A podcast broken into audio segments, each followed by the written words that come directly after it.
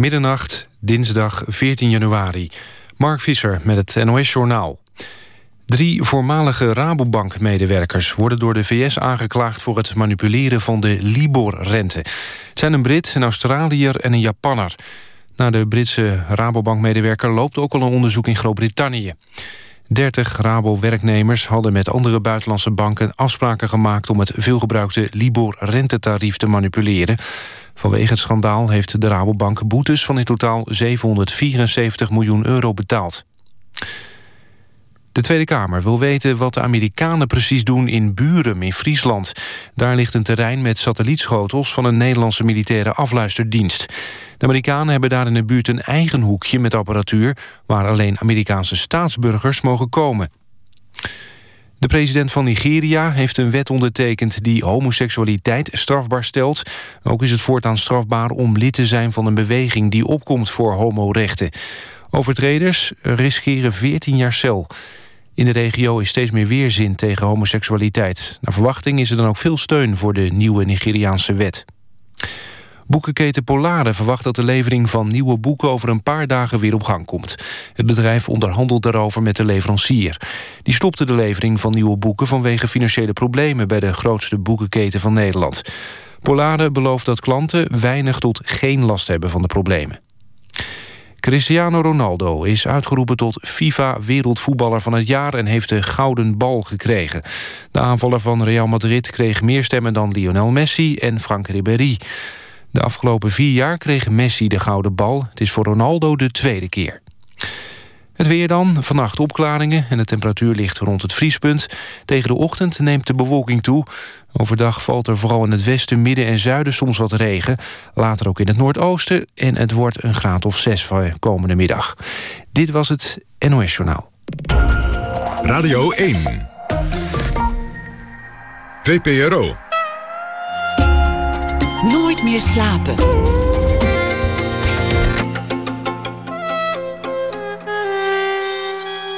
Met Pieter van der Wielen. Goedenacht en welkom. Tot twee uur is dit nog nooit meer slapen. Na ene gaat het over Japans beroemdste schrijver Haruki Murakami. Nieuw boek uit. Inmiddels wordt hij wereldwijd aanbeden en wij doen een poging de Murakami-adoratie te verklaren. En actrices Natja Hupser en Bodil de la Parra maakten een voorstelling over hun Indonesische roots, voormalig pinda's heet die voorstelling. En Jamal Oriachi is deze week onze huisschrijver. Dat gebeurt dus allemaal in het tweede uur. Maar we beginnen wat heb ik me in godsnaam op de hals gehaald? Hoorde men hem al uitspreken tijdens de repetities. Marcus Assini, onze gastkomend uur van het stuk Kwartet. Dat gaat vrijdag in première in Arnhem. Acteurs en een orkest. En dan geen onderscheid tussen zaal, podium, spelers en publiek. Kortom, alle ingrediënten voor een volkomen bende, lijkt me zo. Jazeker. Ja. Het stuk uh, is een bewerking van de 18e-eeuwse roman Liaison Dangereuse, ook bekend als film.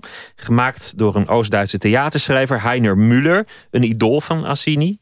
En met Assini praat ik komend uur over dat stuk, over intuïtie in het theater, over liefde, over cynisme.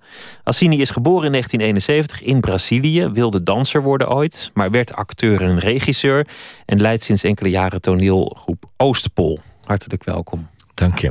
Ja, want jij wilde als, als kind al danser worden. Ja. ja, ik wilde heel vroeg uh, op ballet. En toen zeiden je ouders, nee, nee, niks ervan.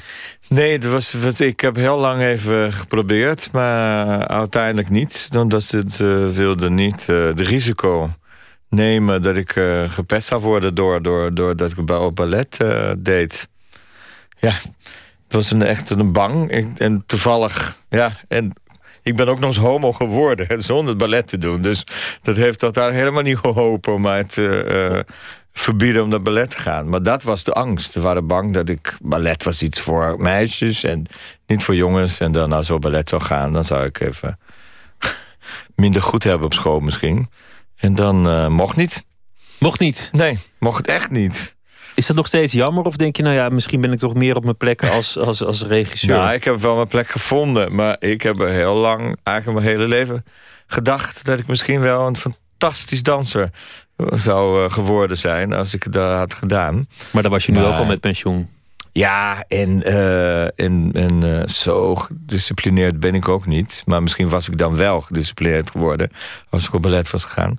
Maar nee, ik ben heel blij met het uiteindelijk... dat heel lang geprobeerd, ballet, ballet, ballet.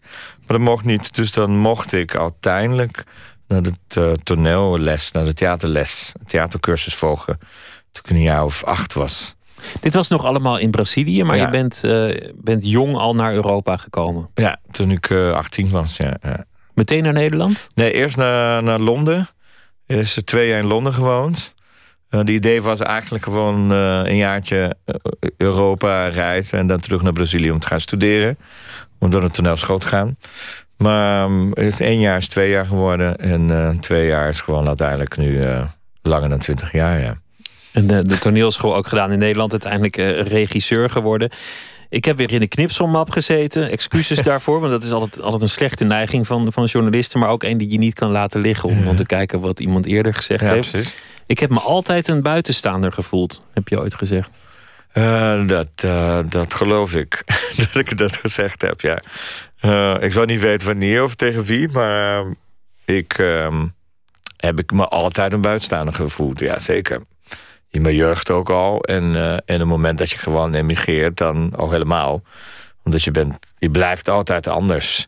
En uh, je blijft altijd, je kijkt van buiten, je wil meedoen. Je moet je best doen om mee te kunnen doen. En uiteindelijk doe je mee. En, snap je? En dan word je nog steeds gezien als de ander. Uh, maar ik heb dat weten te omarmen uiteindelijk. Ik, vind, ik ben eigenlijk heel blij met die positie tegenwoordig. Dat ik gewoon even gewoon niet helemaal echt Nederlander, een Nederlander ben. Maar is er, er is toch wel een plek ergens waar je niet de buitenstaander bent? Um, ja, omdat als ik nu in Brazilië ben, dan voel ik me er ook zo. Ja, ik voel me heel erg thuis. Maar dan zijn er momenten dat je voelt, sociaal gezien, dat ik het echt onhand ben. Dat, het, eh, dat ik niet helemaal echt... Eh, ze vinden me ook een beetje raar. Omdat ik het dan anders praat nu tegenwoordig. Het, het duurt me erg lang voordat ik helemaal zou mee kunnen doen, denk ik. Maar in de armen van een geliefde ben je toch geen buitenstaander? Uh, ook, ja, nee, ook, ja, ja, wanneer, dat weet ik niet hoor. Ik denk dat ik, ik denk dat je ja, het is zo moeilijk. Ik denk, misschien ben ik altijd. Ik ben, als, je alleen, als ik alleen ben, misschien niet. Als ik helemaal thuis alleen opgesloten ben, dan ben ik niet uh, de buitenstaander. Je bent in de arm van, het verliefde, van je geliefde, ben je samen. Maar uiteindelijk ben je toch altijd alleen. Snap je? Ben je altijd anders. Dus het, je laat je geloven ook dat je misschien niet meer een vreemde bent, maar, of een buitenstaander bent. Maar ja.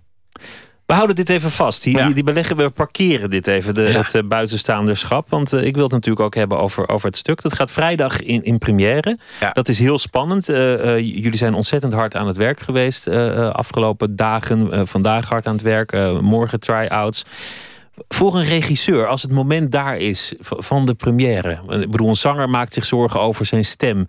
Een acteur maakt zich zorgen over, over zijn tekst. Ja. Maar een regisseur moet, moet op dat moment loslaten. Of zie ik dat helemaal verkeerd? Uh, nee, ja, een regisseur maakt zich dan zorgen over alles.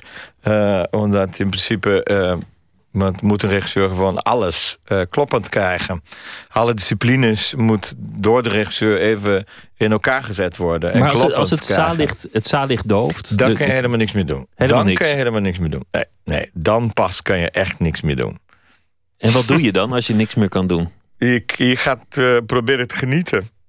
Dus dat wat ik doe, ja. Ik probeer te, te genieten. En soms lukt het. En soms ben je nog steeds aan het... Ik, zeker nu in deze fase. Dus het is uh, gewoon even morgen gaan we voor de eerste keer voor publiek spelen. Dus dan ga ik luisteren.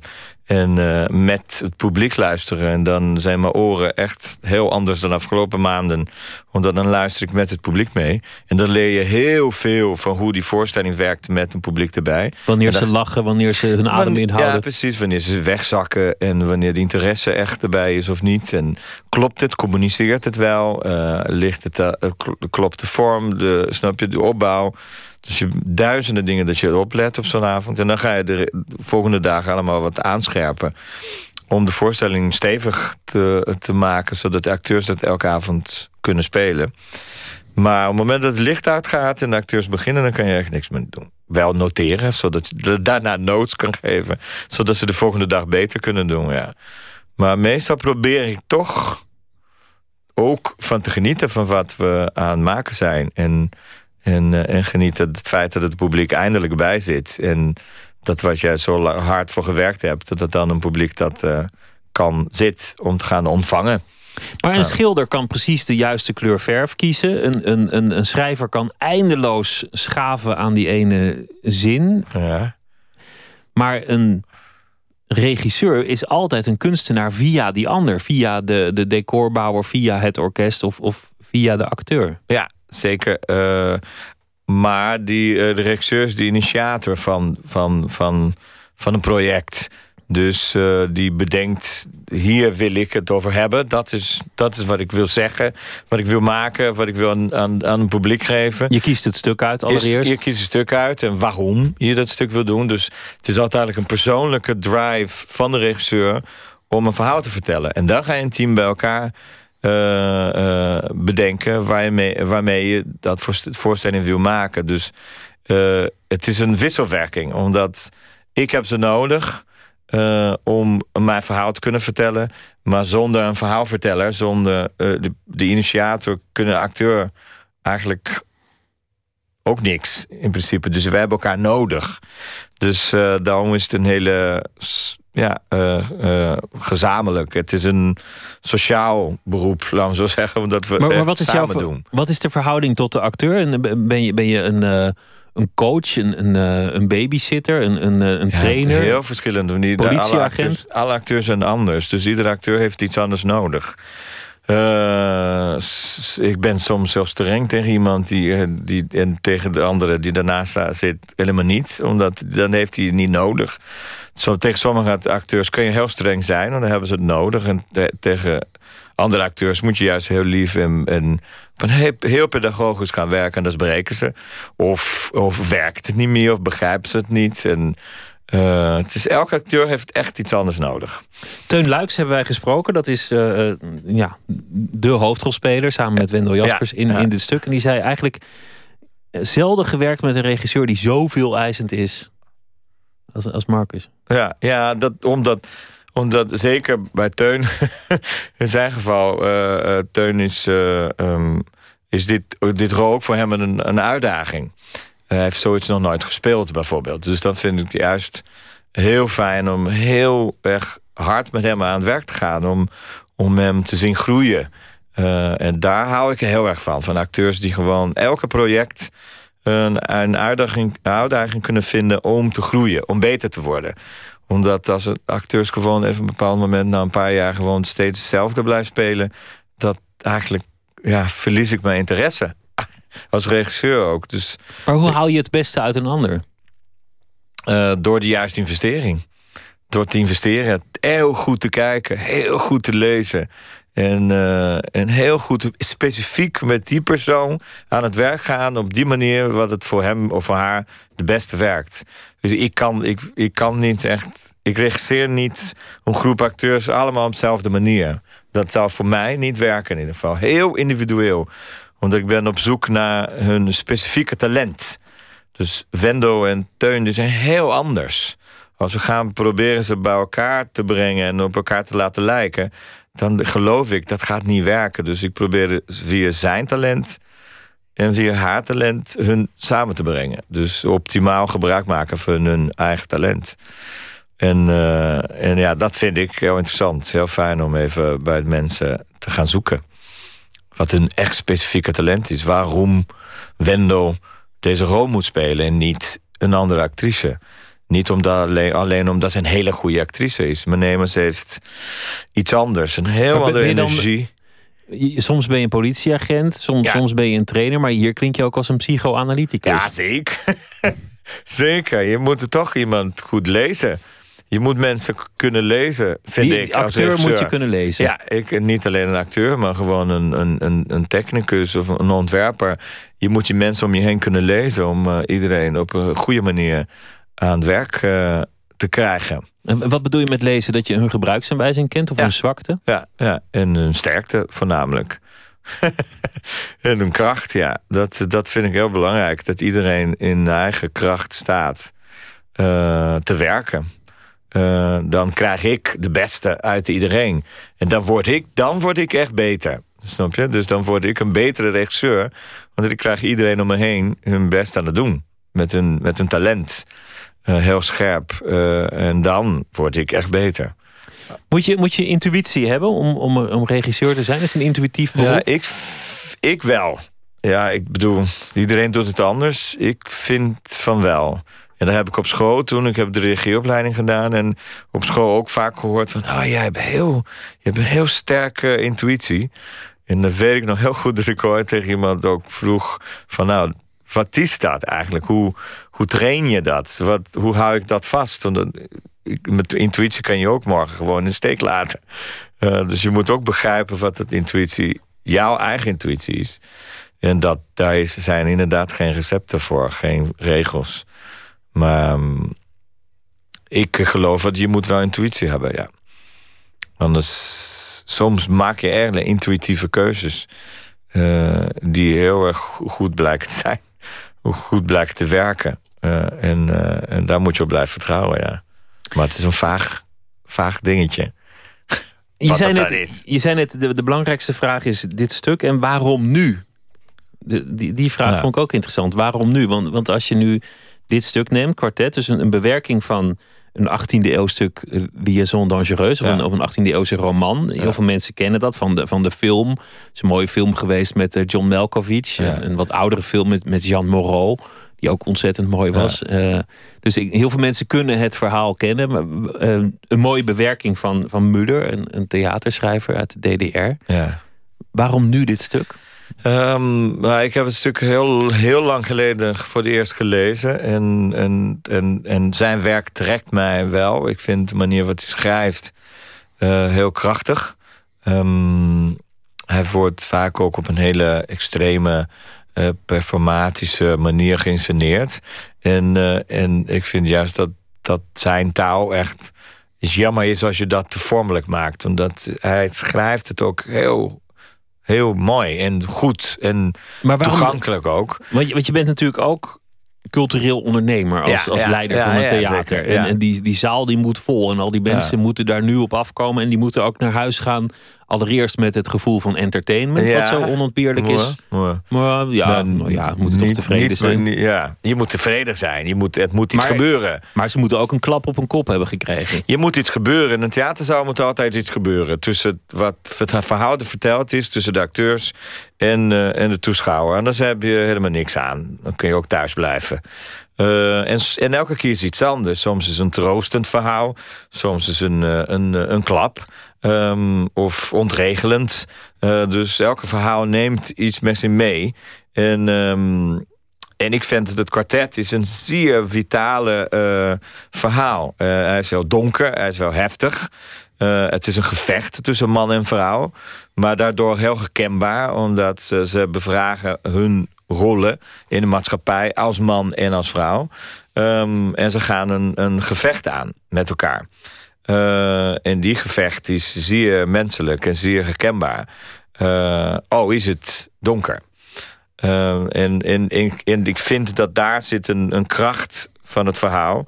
En inhoudelijk trekt mij dat stuk ook heel, heel erg. Omdat ik zie twee mensen die ten onder gaan aan hun eigen kracht. Ze zijn zo sterk geworden. Ze hebben zichzelf zo sterk gemaakt.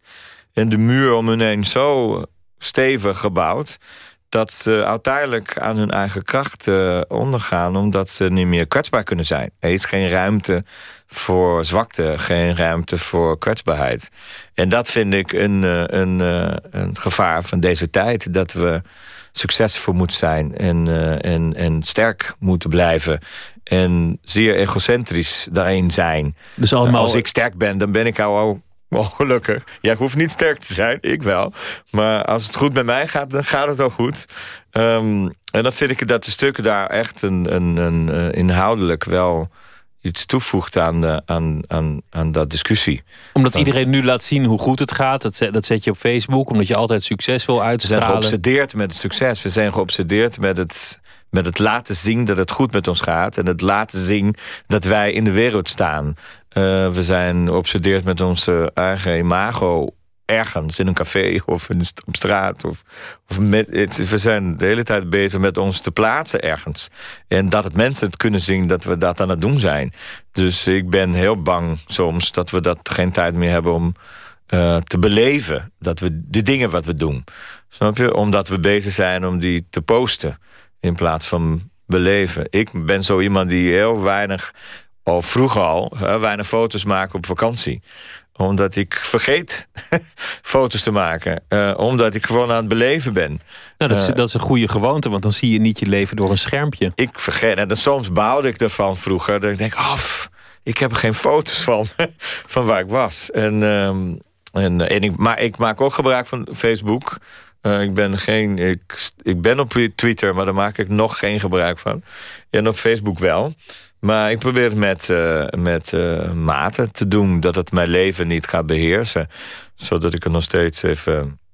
Dat je ook zwak kunt zijn. Ja.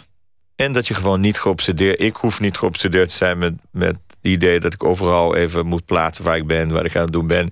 En dat het alles mooier lijkt dan het er werkelijk is. Um, omdat op een bepaald moment ga je erin geloven. En dat kan heel leuk zijn, maar het is niet werkelijk. En ik geloof dat het momenten dat het leven niet goed gaat... is ook heel belangrijk voor je groei. Uh, zonder pijn uh, word je niet gelukkig. Als je pijn niet kent, dat vind ik echt... en dat zegt kwartet ook... Uh, een gedachte die niet kwaad wordt, snap je, is, is ongebruikt. Is, je moet ook, ook af en toe even gewoon niet goed hebben. Want dus daar leer je van. Daar word je de, beter. De euforische pieken in het leven die zijn mogelijk gemaakt omdat je, dat je ooit in de put zat. Ja, ik geloof van wel, ja. Ik geloof dat je gewoon even. Snap je? Niet leuke dingen zijn niet leuk.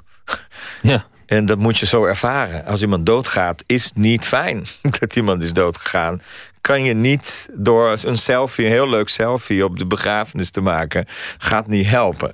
Nee, die functie zit er ook niet eens op, is niet leuk. Nee, En dat moet je omarmen. Dat, het, dat soms is gewoon even momenten dat het dingen gewoon niet zijn zoals je wil en niet leuk zijn. En dat moet je juist kracht geven om het beter te willen. Ik wil het straks hebben over, over de liefde. En, en, over, uh, en over de theatermaker uh, Muller. Want naast, naast deze moraal zit er veel meer in het stuk. Maar we gaan eerst luisteren naar een Nederlandse band. Want uh, we besteden ook aandacht aan de muziek in dit programma. En het is Eurosonic Noorderslag in Groningen. Dat is de komende, het komend weekende. En u gaat luisteren naar een van de bands die daar optreedt. En dat is Wooden Saints. Het nummer heet My Heart is a Cave.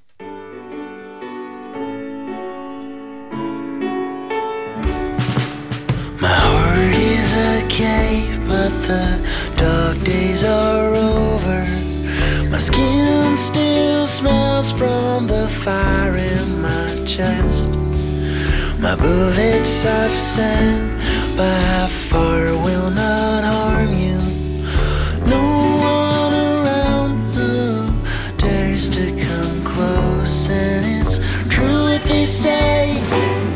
If you sing like you mean. You can't tell a lie, baby. I've seen.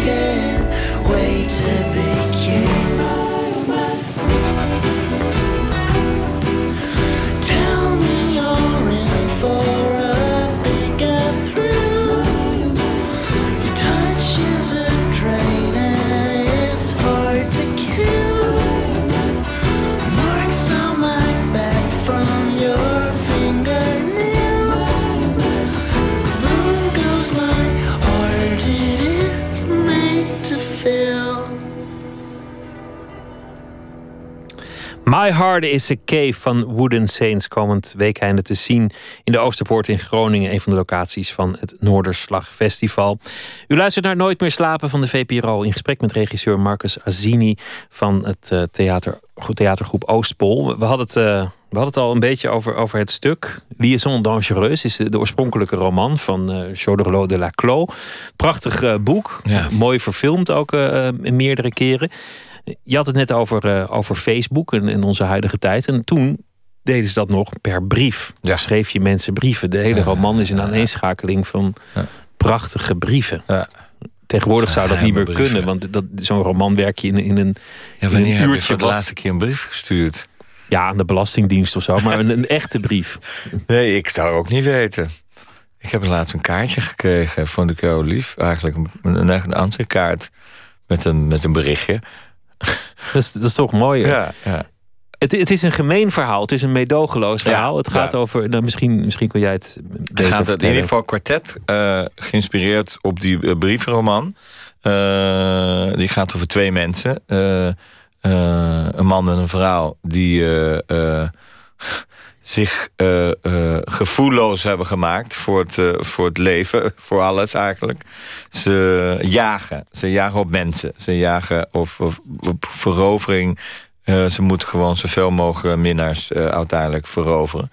Of zijn ze getrouwd of maagd of wat dan ook. En het is een competitie, het is een, het is een wedstrijd uiteindelijk, wat ze ervan maken. En, uh, en in de brieven schrijven ze heel veel over die veroveringen en de gevoelens uh, waarom ze zijn zoals ze zijn en wat ze allemaal uh, doen. En ze geven elkaar heerlijk opdrachten. Van... Ja, ze geven elkaar opdrachten om juist nog spannender te maken op een bepaald moment. Verder dat jij die niet kan krijgen. ja. En, dan, en als je die krijgt, dan krijg je dat van mij. En snap je, dan gaat ze de gunsten ruilen. En dan wordt het echt een wedstrijd. En de wedstrijd wordt steeds donkerder en donkerder en gemener omdat ze voelen natuurlijk echt van, van alles. Alleen ze laten niks toe. En, en Muller heeft er dan een, een zeer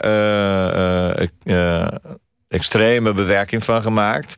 Want er zijn twee personages. Die twee personages die spelen letterlijk. Dus ze schrijven geen brieven. ze spelen een gevaarlijk spel. Ze spelen elkaar. Um, en ze spelen andere mensen. En, en ze geven elkaar ook opdrachten en, uh, en ze dagen elkaar uit om steeds verder te gaan. Maar het zit er heel gevoel bij. Eigenlijk, deze twee mensen willen niks anders dan bij elkaar zijn. Ze willen niks anders dan gewoon uh, zwak zijn en uh, aan dat gevoel toegeven. Maar dat doen ze niet. Ze willen, ze willen die anderen domineren, als het ware. Ze willen die anderen bezitten. en, en uiteindelijk wat ze doen is elkaar eigenlijk, ja, ze vernietigen elkaar niet. Ze, ze gaan ten onder hun eigen kracht, wat ik net zei. En er wordt terloops nog, nog een, eh, een ander jong meisje... die wel nog in de liefde gelooft, uh, vernietigd. Want, want ja, zeker, ja. Niets dat een mens zo goed kan vernietigen als de liefde. Als de onschuld, ja. De onschuld, zo kan je het ook zien, ja. Het is hoe je het kijkt. Ja, ja. De liefde geloof ik niet. Ik denk dat je uiteindelijk toch altijd... Uh, de liefde komt terug op een of andere manier. Uh, in andere vormen of een, uh, met een andere blik erop, een andere bewustzijn. Maar de onschuld, daar kan je wel even. Je onschuld kun je verliezen, maar liefde komt terug. Ja, dat geloof ik wel. Ja. ja. Maar cynisme en liefde gaan niet samen. Dat zou je ook als een moraal kunnen zien. Ja, dat geloof ik ook niet van. Ik denk wel dat het, uh, dat, het, dat het, het cynisme. De liefde kan de cynisme wel overwinnen, uiteindelijk. Um, uh, cynisme is, is niet, niet het eind van de liefde. Dat geloof ik niet, nee. Het, wordt het wordt vaak gezien als de, het andere uiteinde van het spectrum. Ja, het is een zin ook uit het kwartet. Uh, die is, uh, van Mon die zegt... de liefde is sterk als de dood. Um, wat een extreme gedachte is. Maar ik denk ook... Ik denk niet dat, dat, dat cynisme... De, de, in de liefde in de, kapot kan maken. Ik denk het uiteindelijk uh, cynisme raakt op, eigenlijk. Snap je wat ik bedoel? Ik, ik cynisme kan, raakt op? raakt op. Het, het, je, bent, je bent op een gegeven moment uitgemokt. Ja. Ben je, ben je klaar met dat met ja, cynische het, gedoe? Behalve deze twee mensen, deze twee personages... die gaan daar niet aan de cynisme ten onder... maar aan, aan, aan, de, aan de gebrek aan kwetsbaarheid. Maar ehm, ik denk dat cynisme raakt op op een bepaald moment. Wat, wat ik ook mooi vind aan het, aan het verhaal, het, het oorspronkelijke verhaal van, van Laclos, is dat je, als je echt verliefd bent, ben je, ben je kwetsbaar, stuntelig, onhandig. Je, je wil iemand verleiden, maar, maar je bent verliefd, dan zeg je net het verkeerde. Je kunt de goede woorden niet vinden. Je, Ja, ja, ja, je twijfelt ook over wie je eigenlijk zelf bent. Ja. Maar als je iemand niet zo heel graag wil, zoals in dit geval, als het eigenlijk een spel is, dan kan je de ultieme verleider worden. Want je kunt al het goede doen. En je kunt met zorg die woorden kiezen. En je kunt zelfs berekeningen Ja, erop toepassen. Ja, ja. Ja, het is eh, op het moment dat je niet, eh, niks voelt. Dat, dat geen gevoel is. eh, geen gevoel hebben is makkelijker om dan berekenend te zijn en een jager te zijn. Ik vergelijk dat ook met dieren. Ik zou nooit een dieren kunnen schieten voor mijn eigen plezier. Voor de, voor, omdat het cultureel eh, eh, eh, geaccepteerd is in een bepaalde culturen. Dat zou ik niet kunnen, omdat ik ben dan toch een watje en dan heb ik toch, voel ik toch iets voor het, voor dier. Al ben ik ook een vleeseter, maar ik zou zelf nooit, snap je, die gekke gedachte. Ik ben een vleeseter, maar ik zou zelf nooit het dier zelf gaan schieten. Maar omdat ik daar iets voor voel. En dat is hetzelfde met mensen. Op het moment dat je minder iets voor iemand voelt, is het heel makkelijk om iemand gewoon te veroveren en weer los te laten. Maar op het moment dat dat gevoel bijkomt, dan, ja, dan voel je verantwoordelijk. Dan komt verantwoordelijkheid bij. Snap je? Eh, dat, dan, dan voel je verantwoordelijk voor de persoon waar je, waar je lief hebt. En dan eh, wordt het ingewikkelder. Ja. Ja. Ja. En, en eh, wat ik mooi aan het kwartet vind, is dat ze het allebei laten zien. Ze zijn berekenend, eh, omdat ze er boven gaan staan, maar de de hele tijd eronder voel je de behoefte dat ze aan elkaar hebben. Dus het is een tegenstrijdige kracht. En dat maakt het spel zo krachtig. En het lukt uiteindelijk ook niet echt, hè? Want eh, Valmont die wordt toch kwetsbaar. Hij, zijn gevoelens gaan ja. toch met hem op de loop. Want Maar- hij doet wel zo stoer, maar Hij, ehm, eigenlijk wil hij niks liever. Ja, hij, eh, hij gaat het, eh, laat hem zo zeggen, hij komt daar sneller. Zij is echt van steen. En hij komt snel op een punt dat hij zich begint af te vragen of het inderdaad meer kwetsbaarheid of niet overwinnen hoeft te zijn. Eh, of dat eh, eh, ook een interessant gevoel is. En een heel interessant ander soort ervaring. Dus hij zegt ook echt aan het eind van het stuk dat het, dat het voelt goed om een vrouw te zijn en geen overwinnaar. Ehm, niet om een vrouw minder te maken dan een man, helemaal niet. Maar dat het, dat het een nieuwe ervaring is. En daar is hij nou op zoek. Hij is, hij is zijn eigen rol zat. Hij is de, de kracht van de, van de verleider en van de man zijn en eh, eh, de jager te zijn, is die eigenlijk eh, beu. Ja. En zij niet. Zij is ook misschien beu, maar ze is veel harder en veel sterker. En ze zal het nooit toegeven. Ja. En aan het eind van, van het boek, het oorspronkelijke boek, zegt ze dan... Ainsi va le monde, c'est pas ma faute. Zo gaat de wereld, kan ik er nou aan doen. ja, ja. Vind ik een prachtige slotzin. Ja, ja, ja, ja. Het is heel Bikkel, mooi. ja, bikkelhard. Heiner Muller, eh, die noemde ik al aan het begin. Dat is de, de, de schrijver die de thea- theaterbewerking heeft gemaakt. Absoluut een idool van jou. Ja, ja, idool is een grote woord, denk ik. Maar ik bewonder hem wel. Ja. Eh, en ik eh, vind ik ook dat, dat hij te weinig eh, in Nederland geïnsceneerd eh, wordt. Ehm, maar een van de belangrijkste eh, theatermakers van, eh, van vorige eeuw, ja.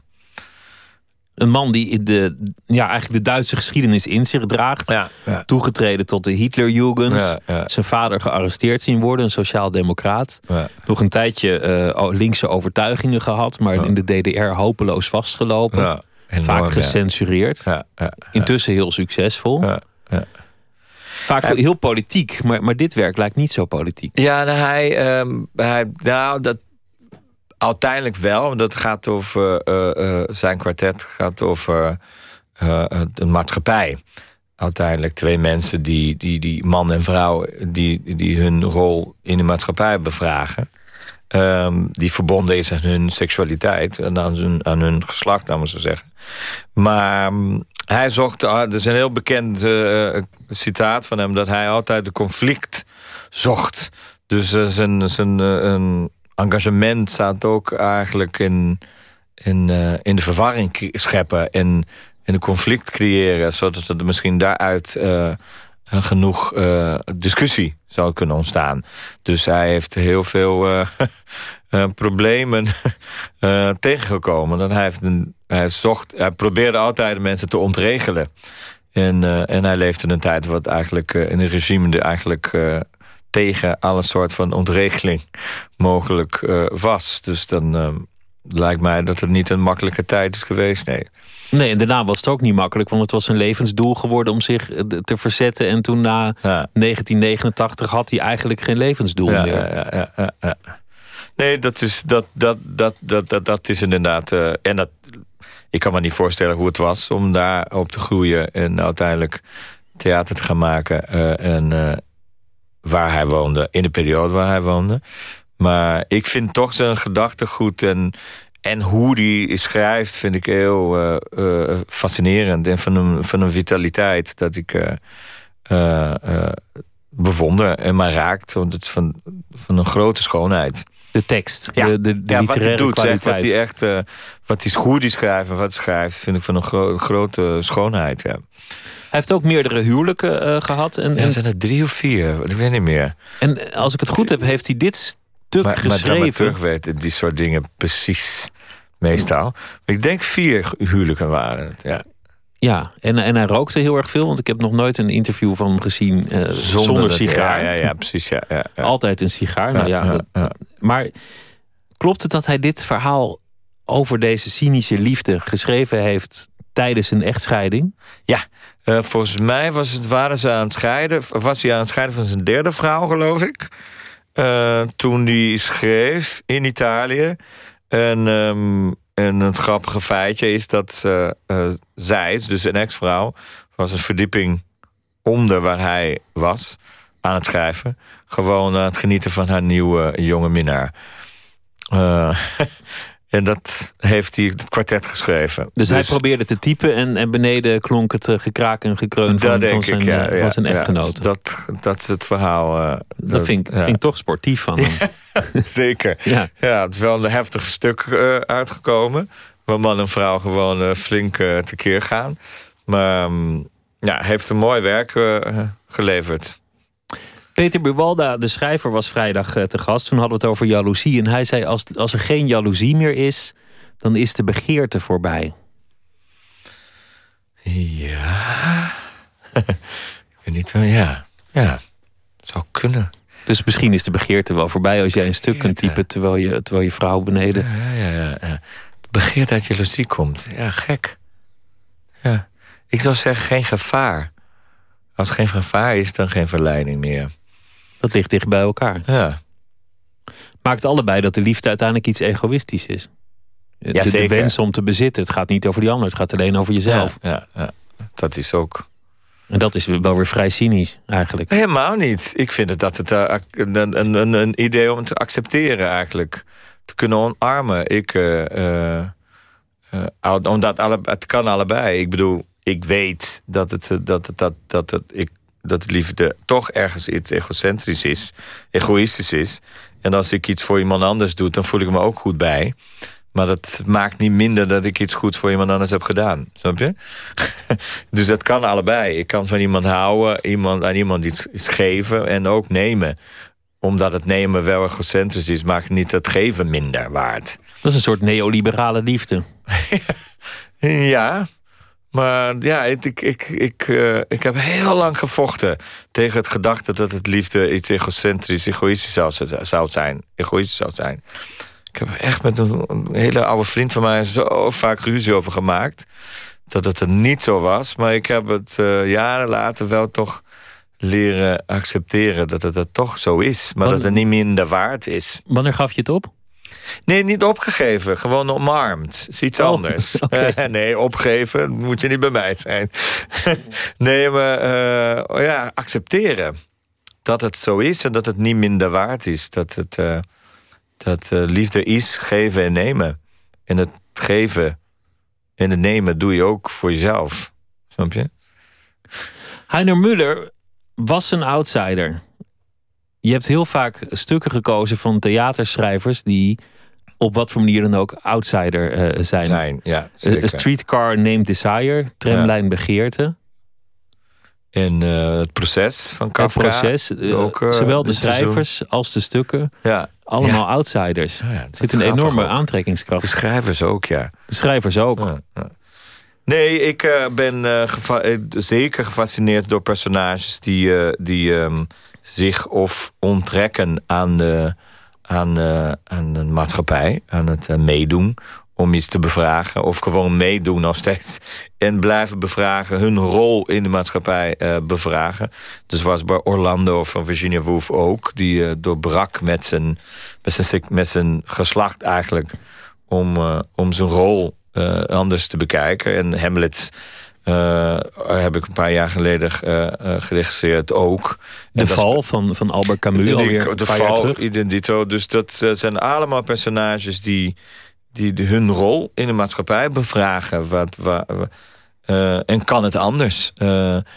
Mm, Blanche de Bois van de tramlijn, die, die, die, die, die, die, die, die, die ligt, die speelt de rol wat ze denkt dat ze moet spelen om geaccepteerd te worden in het leven. En dan gaat ze daar ten onder, omdat ze voor knettergek van eh, en verliest totaal het contact met zichzelf. En, en het, Joseph K. van het proces van Kafka, die, eh, die, die wordt eigenlijk in die positie gezet dat hij moet zich afvragen wat het leven, hoe het leven is, wat, waarom het leven zo te leven. En, en dat hij zou er verantwoordelijkheid voor moeten nemen. Voor het leven wat hij wil leven. Dat hij moet zeggen, zo wil ik het doen. En daar neem ik verantwoordelijkheid voor. En hij gaat juist ten onder aan het feit dat hij geen, verantwo- geen verantwoordelijkheid kan nemen voor zijn eigen leven. En ik, deze, deze twee mensen die doen dat toch via hun. eh, dat dat eh, zij eh, een vrouw is die zou liefst willen leven als een man. Maar wel in het lichaam van een vrouw. Eh, en in de maatschappij dat het de man de, de, de, de overwinnaar is, de, de, de heerser is. En hij bevraagt zich juist, moet ik het... ik ben mijn positie eigenlijk zat. Ik wil dit eigenlijk iets anders ervaren. Ik, ik wil ervaren juist hoe het is om kwetsbaar te zijn. Dus dat, eh, dus dat doen ze wel via de man- en de vrouw posities. Wat ik heel, eh, in- heel interessant vind, ja, in, in deze geval, ja. Maar is niet iedereen tegenwoordig een outsider? Zijn we niet allemaal buitenstaanders in onze samenleving? Ieder op onze eigen manier? Ja, dat, dat zou kunnen, ja. Dat zou kunnen. Want dan is het ook lekker geen probleem meer. Dan doen we allemaal hetzelfde. Ik bedoel, je remt voor een flitspaal, je betaalt je Ja, belasting. is een en- gevoel, denk ik. Het is een gevoel die, die- dat je de outsider bent. eh, dat je dus minder bent. Is het ergens dan een begrip dat als je de outsider bent, ben je of minder, of heb je minder, of heb je minder kansen, of moet je harder werken, of er is iets verbonden aan de outsider zijn die een negatieve Altijd buitengesloten, niet ja. geaccepteerd. ja, een verkeerde connotatie heeft. En ehm, ja, dus als het connotatie, als we het allemaal van het, van het gevoel af zou kunnen zijn, dat we een buitenstaander zijn en dat een negatieve ding is, dan zou het, heel, dan zou het prima kunnen zijn. Maar ehm, Dat vind ik grappig, want, want eh, als je zegt buitenstaander, dan denk ik voor een, aan een zelfgekozen buitenstaanderschap. Van, van lekker je eigen gang gaan en, en eh, ja, hè, de, de samenleving prima Ja. maar doet in je eigen tijd. ja. Laat jij mij met rust, laat ik jou met rust. Maar, maar jij, ziet, jij ziet er ook een oordeel in. Dus eigenlijk wil je heel graag het niet zijn. Eh, ja, nee, dan zeg ik ook, als het geen oordeel erbij zou... met het idee van het outsider zijn dat het een oordeel ermee zou eh, verbonden zijn... dan zou het geen probleem zijn. Maar ik heb het veel minder. Ik, eh, maar nog steeds... eh, ik, ik, laat me zo zeggen, ik, heb, eh, ik ben het ehm, gebruik van allebei gaan maken. Van het feit dat ik anders ben. Eh, dat ik gewoon, ik vind fijn dat ik gewoon ook dat mijn Nederlands prima is om te doen wat ik moet doen.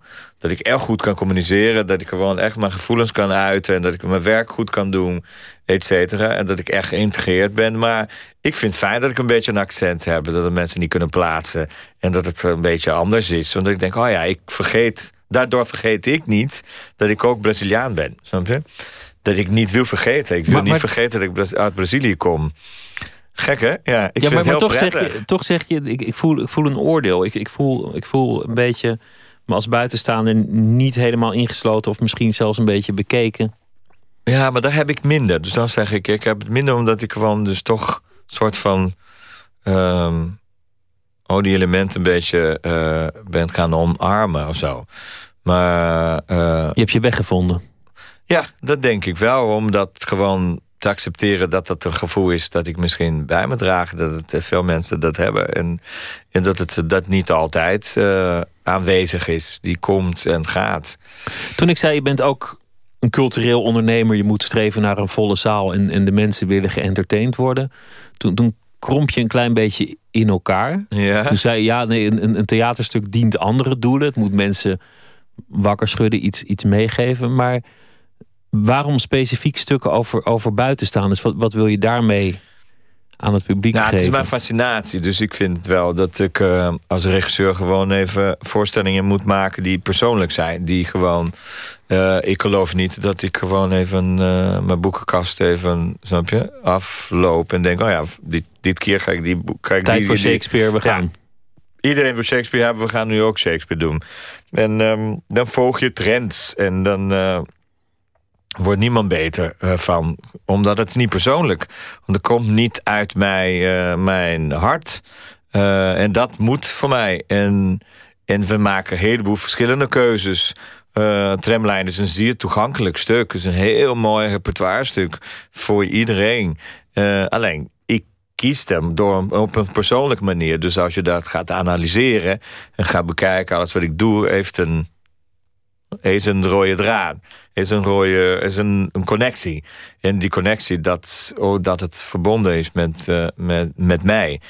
Ik ga Angels in Amerika doen volgend seizoen. En dat is een zeer persoonlijke eh, keuze. Maar het is een prachtig stuk. Het is een van de mooiste moderne stukken die bestaan. En dat is, dat is eigenlijk wel een van jouw hele grote talenten, is echt het lezen. Want, want de tekst die staat er, de, de, de auteur is dood, kan je niet meer bellen. Ja. De, de tekst is al heel vaak uitgevoerd, maar, maar jij, jij leest en maakt er echt een eigen verhaal van. Ja, ik, dat, ik dat is dat, dat voor mij moet het verbonden eh, zijn. En, eh, en, die, eh, en ik denk dat het eh, eh, dat dat mijn manier om rekening te houden dat ik gewoon verhalen vertel, ook voor een groot publiek. Dus ik zie helemaal niet mijn eh, intentie om gewoon ergens in een, in een hoekje gewoon theater maken voor drie mensen die mij ook zo en zo begrijpen. Snap je? Ik wil gewoon zo groot mogelijk publiek bereiken met die prachtige verhalen dat we kiezen om te bespelen. Maar de keuze om die verhalen te vertellen zijn ze heel persoonlijk en vaak verbonden aan de maatschappij, aan wat ik zie dat het eh, in de maatschappij speelt. En, en angsten soms. En, eh, en, en, en, en soms heel troostend. Omdat ik vind, zijn sommige van die verhalen zijn ook eh, inspirerend en troostend. We gaan nog een keer luisteren naar muziek. People What They Want is het nieuwe album van de New Yorkse soul en funkband Sharon Jones en The Dap Kings. Een van de albums waar we bij Nooit meer slapen heel lang naar hebben uitgekeken. En het nummer is dus, eh, het nummer heet You'll Be Lonely.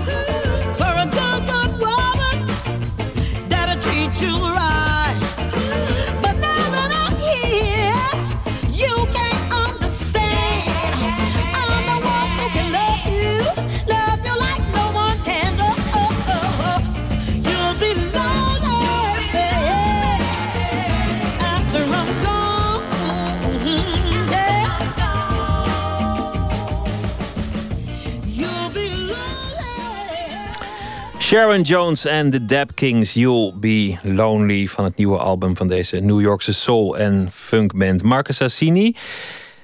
Nog even over het uh, stuk wilde ik zeggen... Dat je, dat je ook nog met een heel orkest gaat werken. 40 ja. man op het podium. Dat is ja. volgens mij nog nooit vertoond. en, en, ik heb het in ieder geval nog nooit gedaan. En dan is, is ook nog de, het onderscheid weggevallen tussen zaal en, en publiek. Ja, ja, we gebruiken, we wilden wel heel graag uh, op locatie doen.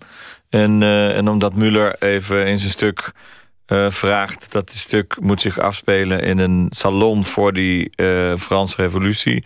of in een bunker na de Derde Wereldoorlog. Dus meerdere tijden, meerdere decors. Ja, en eigenlijk dachten we, nou, de Schouwburg is een beetje zo. Want een podium is een soort van bunker.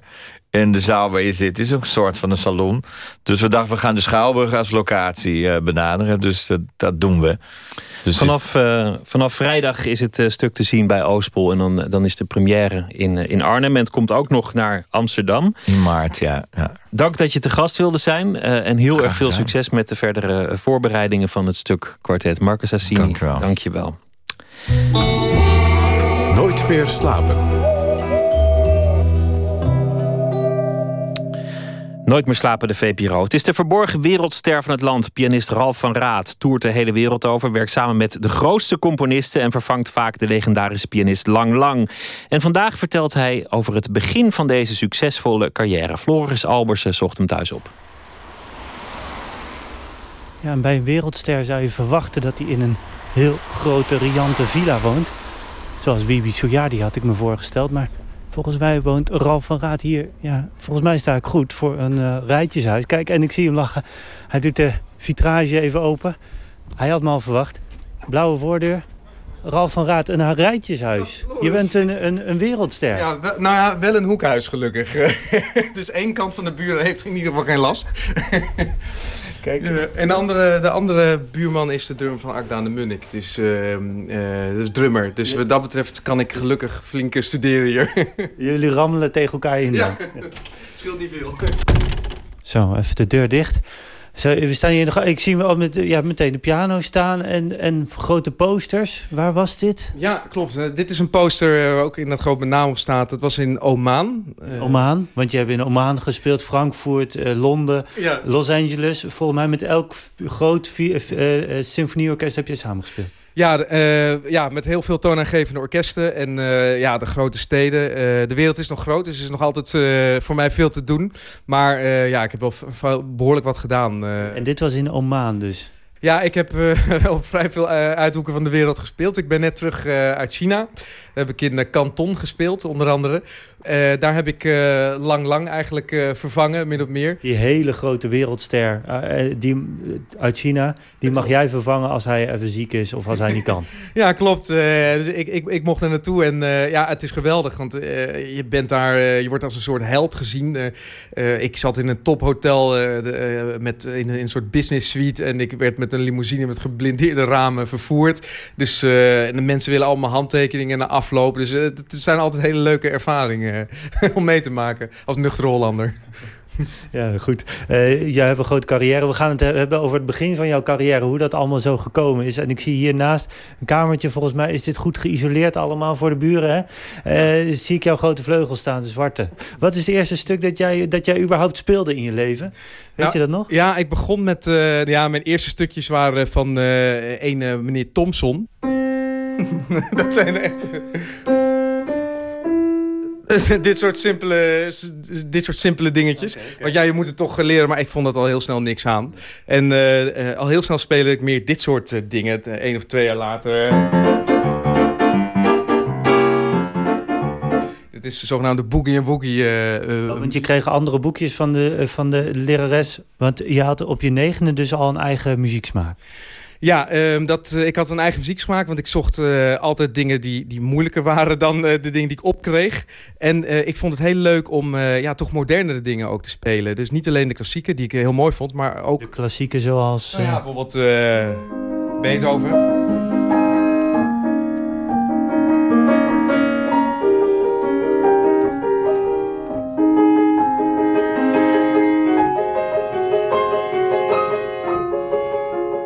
Beethoven. Ja, dat is, dat is natuurlijk prachtige muziek, maar... eh, Dat vond jij niet.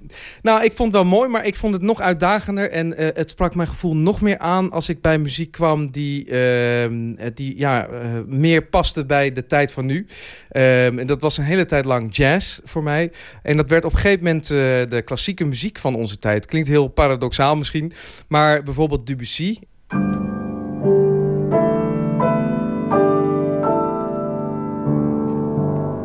Nou- je speelt het meteen uit jou. Ik zeg het Debussy en jij speelt het meteen. Hè? Dat vind ik wel grappig. Ja, ja die, die muziek, het, is, het zit zo in mijn systeem, eh, deze muziek. Het, ja, het, het is een deel van mijn persoonlijkheid en dat, dat kan je vrij snel laten zien. eh, ik, het, omdat ik het ook nog steeds speel, eh, heel vaak. Wanneer was je grote doorbraak? De grote doorbraak voor mij was eh, toen ik 17 was. Ik speelde toen eh, voor het eerst eh, een modern stuk aan publiek voor een concours. Is een wedstrijd. En nou, dat beviel heel goed. Waar was dat dan? Dit was in Haarlem. In eerste instantie wa- waren de voorrondes in het provinciehuis, maar ik ging door naar de finale, wat ik helemaal niet verwachtte. En toen stond ik opeens in het, in, het concertgebouw van Haarlem. Het is een hele mooie grote zaal met honderden mensen en een prachtige vleugel in de spotlights. En ik had dat nooit meegemaakt. En ik speelde de muziek eh, waar ik de laatste jaren zo mee bezig was. En die ik net had ontdekt. Die moderne, klassieke muziek, eigentijdse componisten. Ja, en dat was zo fantastisch. Eh, eh, dat wilde ik doen. Toen wist ik het. Ik wil dit de rest van mijn leven doen. En toen speelde je.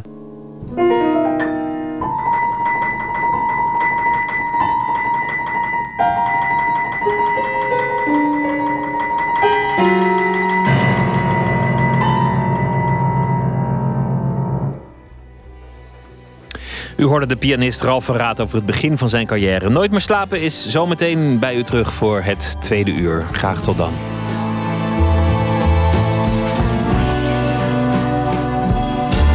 Op Radio 1. Het nieuws van alle kanten.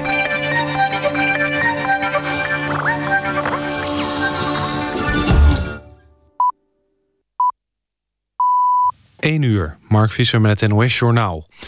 De Verenigde Staten maken zich zorgen over de berichten... dat Rusland en Iran zouden onderhandelen over een olie voor goederen-programma. Iran zou dan olie leveren in ruil voor Russische goederen. Met de deal zou anderhalf miljard dollar per maand zijn gemoeid.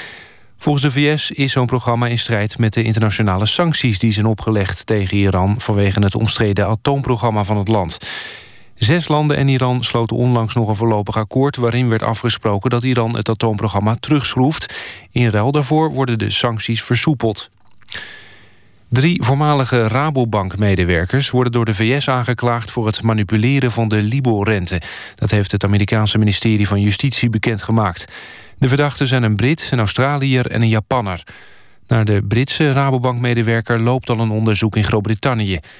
30 Rabo-werknemers hadden met andere buitenlandse banken afspraken gemaakt om het veelgebruikte Libor-rentetarief te manipuleren. Vanwege het schandaal heeft de Rabobank boetes van in totaal 774 miljoen euro betaald. De Amerikaanse staat Colorado, waar sinds begin dit jaar cannabis legaal mag worden verkocht, waarschuwt dat stoned achter het stuur zitten nog steeds verboden is. Om dat te onderstrepen begint de staat een uitgebreide voorlichtingscampagne. Vanaf maart worden televisiespotjes uitgezonden... waarin wordt gewaarschuwd dat op overtreding dezelfde straffen staan... als voor rijden onder invloed van alcohol. Verder worden bij alle cannabiswinkels in Colorado... folders en posters verspreid. Het weer, vannacht opklaringen. Temperatuur ligt rond het vriespunt. Tegen de ochtend neemt de bewolking toe en dan gaat het regenen. Het wordt een graad of zes. Dit was het NOS Journaal. Radio 1. VPRO. Nooit meer slapen.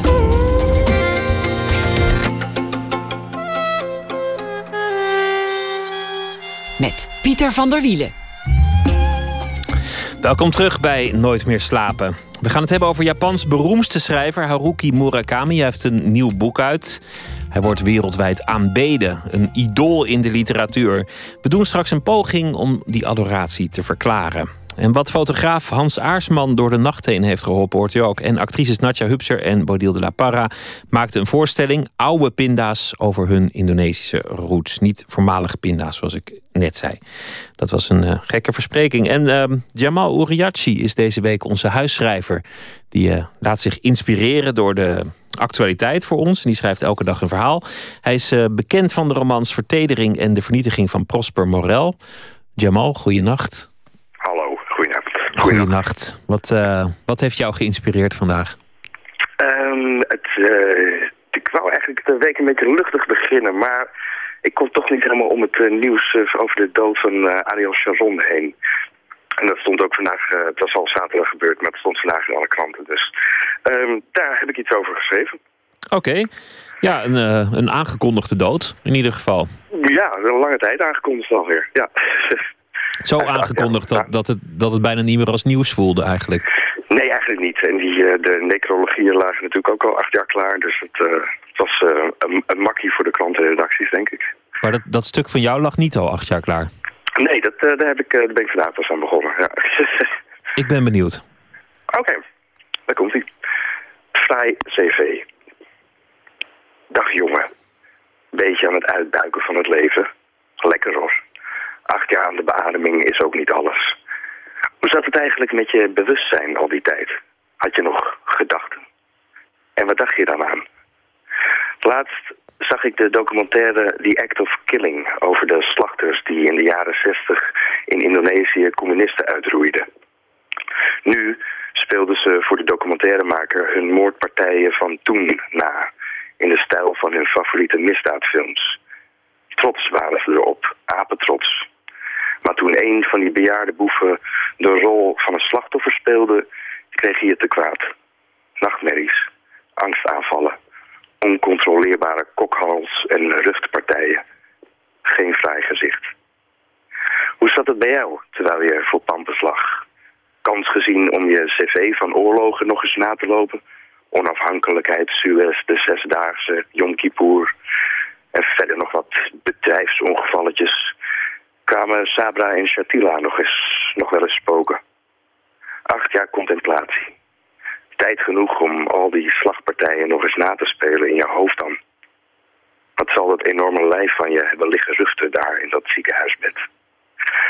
Gelukkig is het nu voorbij. Denk niet meer aan het leven op aarde.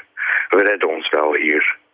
De eeuwige oorlog in je thuisland woedt voort, soms stilletjes, soms op volle kracht. Niemand die nog protesteert. De hele wereld is dat uh, conflict al lang spuugzat. Dus rust zacht, oude schoft.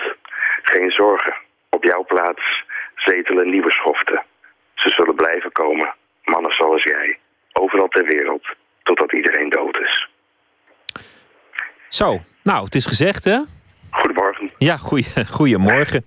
Ja, het, het, het is wonderlijk, want, want ik, ik zat ook te denken, je, eh, je kunt zeggen het is een schoft, maar evengoed is het, is het ook een held. En op een gegeven moment, ja, misschien klinkt dat laf, maar ik vind het echt dat je, dat je het niet meer kan scheiden wie nou de schoften en wie nou de helden zijn. Nee, dat conflict is zo'n uh, ja, postmoderne pool van troebelheid. Daar kun je eigenlijk geen normaal standpunt meer over aannemen.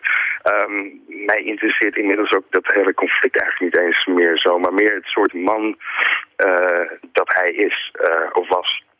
En daar, ik moest ook denken aan die documentaire, uh, die Act of Killing. Omdat het is een bepaald type man dat ja, eigenlijk trots is op bepaalde daden. En vanuit een bepaalde invalshoek is dat ook heel heldhaftig of mooi voor het land wat ze hebben gedaan. Maar het blijven wel slachters natuurlijk. En dat, dat, dat blijft overeind staan. En ik vraag me af hoe je daar... Ja, of dat aan het eind van je leven... of als je daar in een coma ligt en enig bewustzijn hebt... of dat nog iets met je doet. Dat je vuile handen hebt gemaakt. Of, of misschien vuile handen wel hebt moeten maken.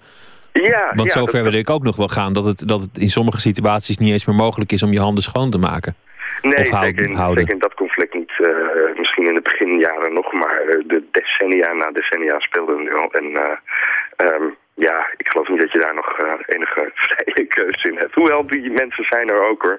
Er zijn altijd mensen die zich aan proberen te onttrekken of een ander standpunt in proberen te nemen. Maar het, het blijft een frappant iets. De grote slachters van de wereld die misschien niet eens zelf direct uh, het, het, de trekken over hebben gehaald, maar in ieder geval opdracht hebben gegeven tot, tot flinke moordpartijen. Of aan welke kant ze ook staan, dat blijft een heel vreemd iets. Dat Ja. die mensen bestaan. Hij heeft meegedaan aan, aan gruwelijke uh, misdrijven. Aan de andere Mhm. kant uh, wordt hij geëerd als een held. Maar aan het eind, ik zag eigenlijk van het weekend uh, op, op de beelden... dat hij aan beide kanten gehaat was. Zowel in Israël als aan de Palestijnse zijde. En dat pleit misschien ergens nog wel voor iemand... als je aan beide zijden gehaat bent. Nou ja, hij heeft, hij heeft één ding gedaan. Ik geloof de nederzettingen in Gaza ontruimd vlak voor zijn coma. En dat, dat, is, uh, dat is hem inderdaad door de nederzettingenbouwers niet in dank afgenomen. Um, je kunt je afvragen of hij dat uit, uh, uit vredelievendheid heeft gedaan, die, uh, die ontruiming van dat deel van Gaza. Want hij was een groot voorstander van nederzettingen bouwen. Dus um, dat zal wel een ander strategisch doel achter gezeten hebben. Ja, dat, uh... Hij is niet meer en hij hoeft er zelf niet meer over te, te pijnsen. Jamal Oriachi, dankjewel. En tot morgen. Tot morgen. Goeienacht. Gray Referent is het soloproject van L.D. Brown. Was ooit een jazzgitarist uit Brooklyn, maar hij kreeg uh, een aandoening aan zijn handen, een soort kramp. En kramp voor gitaristen, dat is nooit goed. En toen uh, moest hij eenvoudiger gaan spelen, dus hij ging van de jazz naar de blues. Leverde wel een mooi album op, vorig jaar verschenen, Heroes Lie. En daarvan hoort u nu My Hands.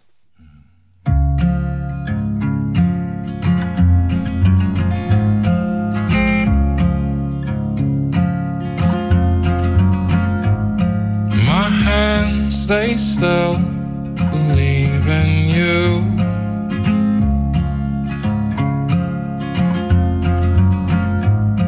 My heart's a lens that I'm staring through.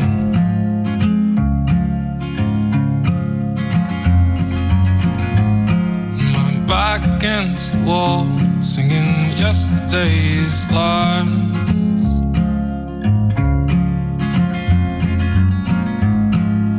Wish then you could see me through tomorrow's eyes.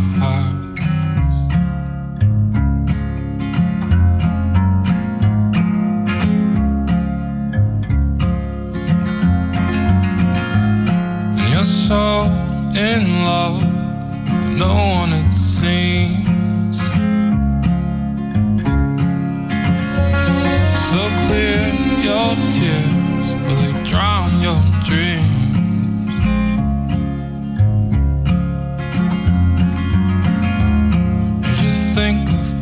Saying before you decide.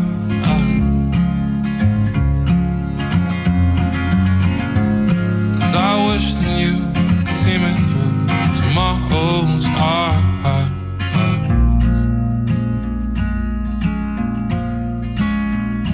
And so many times I crossed the line to get to you.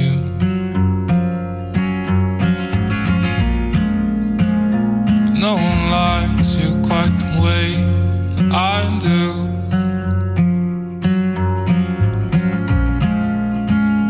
Try to understand the songs that I sing to you. No one likes you quite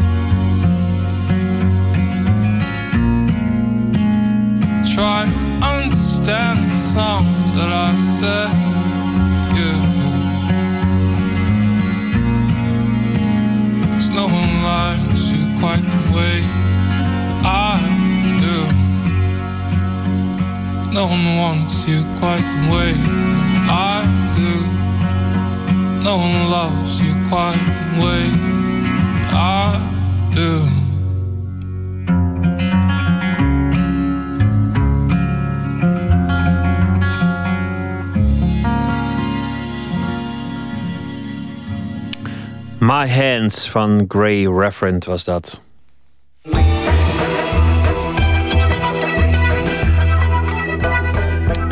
U luistert naar de VPRO, het programma Nooit meer slapen. Haruki Murakami, Japans grootste schrijver, of in elk geval de meest populaire en meest bekende. Elk jaar weer wordt hij genoemd als een van de grote kanshebbers voor de Nobelprijs voor de literatuur. En zijn boeken worden over de hele wereld verkocht en gelezen. En er is nu een nieuwe Murakami, de kleurloze, kleurloze Tsukuru Tasaki en zijn pelgrimsjaren. Om het verschijnen van dat boek te vieren werd afgelopen zaterdag zelfs een heel festival rond de schrijver georganiseerd. Onze verslaggever Maarten Westerveen ging er naartoe, was op het feest en sprak daar onder andere met journalist Theo Hakkert, een Murakami-liefhebber, en vroeg hem of hij kon uitleggen waar dat laatste boek nou eigenlijk over gaat. Deze Tsukuru Sasaki was bij een club van vijf. Heel hecht. Eh, ze waren altijd bij elkaar, ze deden nooit iets zonder elkaar. En dan is er iets gebeurd blijkbaar dat hij zich niet kan herinneren... en hij wordt uit de groep gezet. Rigoureus uit de groep, we willen je niet meer kennen. Hij belt ze op, ze pakken niet meer op, et cetera. Hij gaat op, zich op dat moment afvragen wat is daar gebeurd. Hij heeft geen idee. Denkt erover om zelfmoord te plegen... want het, leven is opeens alle zin verloren. En 16 jaar later, 16 jaar later... gaat hij eindelijk eens een keer op zoek naar wat er nu eigenlijk gebeurd is. Nou, 16 jaar waarin hij zich opwerpt tot ontwerper en bouwer van stations. Nou, meer doet hij niet. Murakami zelf, hoe, eh, het, het, is, het, is, het is bijna een soort legende. Hè? Deze man heeft een aura van geheimzinnigheid over hem. Het is moeilijk te interviewen. En als het al een keertje gebeurt, dan is dat weinig bevredigend. Want hij heeft iets heel erg vaags over hem. Um, hoe zou jij Murakami beschrijven? Eh, je vraagt je af uh, wat echt is en wat daar mythevorming is bij hem. Uh, misschien moet je het hem ook helemaal niet kwalijk nemen. Ik vind het wel aardig dat hij maar één interview per jaar geeft. En dat hij nu voor de tweede keer in Nederland een keer een interview geeft. Dat vind ik, dat vind ik wel wat hebben. Dat vind ik wel stijl hebben. Uh, aan de andere kant... Uh, ja, kijk, hij is begonnen in 78. Het verhaal gaat dat hij bij een honkbalwedstrijd zat... en een home zag en dacht van... ik moet schrijver worden. Nou, daar begint het al. Is dat waar of is dat niet waar? En ik denk als je hem zou vragen dat je, dat je een vaag antwoord zou krijgen. Maar het, het, het bouwt wel meteen aan de mythe. Wil je zo'n man nog gaan geloven op het moment als hij dat vertelt? Als hij deze anekdote vertelt? Nee, dat ga je niet geloven. Maar het kan natuurlijk best waar zijn. Je niet? Ik bedoel, hij had daarvoor een jazzbar. En, dus ja. En hij schijnt ook graag muziek te hebben willen spelen, maar niet te kunnen. Hij kan geen instrument spelen, hoor ik. Dus nou, dan, en toen is hij dan maar gaan schrijven na een honkbalwedstrijd. Vind ik mooi.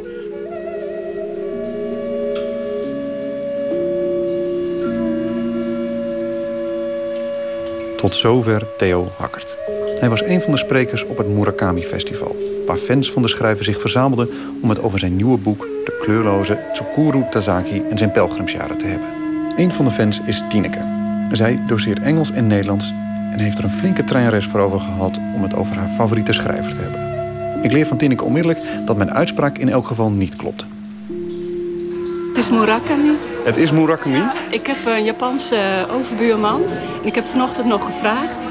Ik had het uh, nieuwe boek, het nieuwste boek had ik bij me. En uh, ik liet het zien en ik zeg... Nou, ik ga vanavond naar Amsterdam. En ah, Murakami. Aha, ik zeg, nou weet ik. Ik wou het even checken. Want zijn vrouw had het ooit al gezegd. En, maar toen zei hij ook de Amerikanen zeggen Murakami. En de klemtonen zijn nogal vlak in het Japans. Dus je kunt ook... Uh, hij zei ook, ja, het is eigenlijk uh, Mura, Murakami. Murakami, ja. De, de ra is uh, gestrest, zeg maar, geaccentueerder dan de k. Dus. En het is Murakami Haruki, hè? Het is ook nog eens een keertje dat... Is een voornaam, maar ze draaien dat wel eens om. Precies. Ja. Oké, okay, nee, ja. ik, nou goed, oké, okay, dan ben ik in ieder geval enigszins voorbereid straks op die avond. Maar heel veel mensen zeggen Murakami. Dat hoor je op tv ook. En uh, nou ja, ik zei, ik zei al tegen mijn buren, ik zal er niet pedant over doen. Maar uh, ja, dat valt me dan uh, weer op. Ja, nou, er wordt een microfoon onder je neus geduwd en je begint toch meteen. Ja. ja. Ja, het mooie vind ik dat uh, Murakami schrijft alsof je uh, bij de hoofdpersoon aan de keukentafel zit. Dus als de hoofdpersoon een blikje bier opentrekt, dan krijg ik zin in bier. En ik ben helemaal niet zo... Ja, dat denk je dan, dat je niet beïnvloedbaar bent. Um, maar ja, je voelt als het ware dat lipje van het bier, of, of uh, als het een flesje is. Um, je hoort als het ware het ploppen en het klikken. En het tempo is vrij laag. Um, ik word er heel rustig van. En ja, het, is, het heeft ook uh, een stukje magisch realisme in zich. En dat boeit mij ook wel. De dingen die niet kunnen. De, de, de pratende katten, de Johnny Walkers die door... die uit uh, lucht vallen in Kafka op het strand. En... Um, in uh, Q1084, de twee manen, is een parallele wereld waarin er twee manen zijn. En ja, dat uh, fascineert mij wel. En aan de ene kant is het heel realistisch. Dus dat blikje bier dat open gaat en uh, gewoon heel feitelijk is en aards. En aan de andere kant het magisch realisme. Ik ben Marja Pruis. Ik was vanavond gespreksleider op het Murakami Festival. Ik had een, uh, een leesgroep van 25 Murakami-lezers. Die hebben allemaal de nieuwe roman gelezen van uh, Murakami, die morgen 65 wordt. En we zijn hier in de Appel, aan de Prins Hendrikade in Amsterdam.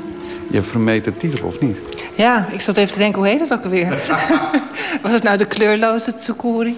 Of was het de pelgrimsjaren van de kleurloze Tsukuri? Het is de, het is de kleurloze Tsukuru.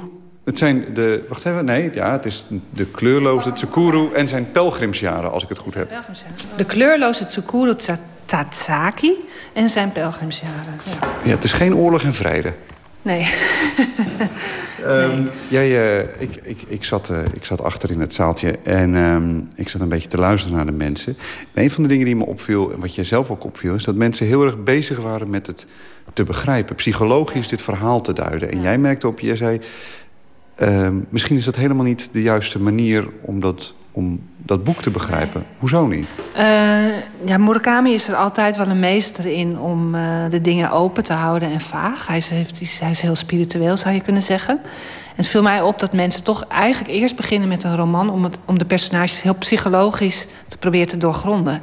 En eigenlijk kun je je afvragen of zo'n roman, zeker deze roman... of die daar wel geschikt voor is. Omdat het zo'n... Uh, ja, op een bepaalde manier is het een hele platte vertelling. Het gaat over vriendschap. Maar de vriendschap op zich kun je eigenlijk niet helemaal navoelen... omdat hij daar niet helemaal ingaat in die zin dat je niet echt... Uh, weet ik veel, de dingen leest die die vrienden met elkaar deden. Het is alleen maar dat elke keer wordt benadrukt... hoe belangrijk die vriendschap was. Hoe symbiotisch die mensen met elkaar omgingen. Maar het, hij zegt het. Ik bedoel, hij laat het niet voelen. Hij zegt het de hele tijd met zoveel woorden. En ja, dan denk ik van, is het niet, bedoelt hij dan niet iets anders met het boek? Moeten we niet zo psychologisch praten over de personages? Maar dan is het verwarrende weer dat er wel een paar mensen in zitten... over wie je wel weer heel veel te horen krijgt. Op een vrij traditionele manier, zou je kunnen zeggen. Dus dat is het gekke misschien van deze roman ook. Dat het zo heen en weer gaat tussen ja, zeg maar de gewone wetten van de gewone westerse romankunst... en iets wat, ja, wat metafysischer is. Zou je misschien een stukje voor kunnen lezen? Na een poosje voelde Tsukuru dat hij iets moet zeggen om de stilte te verbreken. Herinner jij je Le Mal du Pays nog? Dat stuk dat Yuzu vroeger vaak speelde, vroeg hij. Le Mal du Pays? Natuurlijk herinner ik me dat nog, zei Eri. Ik luister er nu nog steeds soms naar. Wil je het horen? Tsukuru knikte. Eri stond op, liep naar de kleine audioset op het kastje...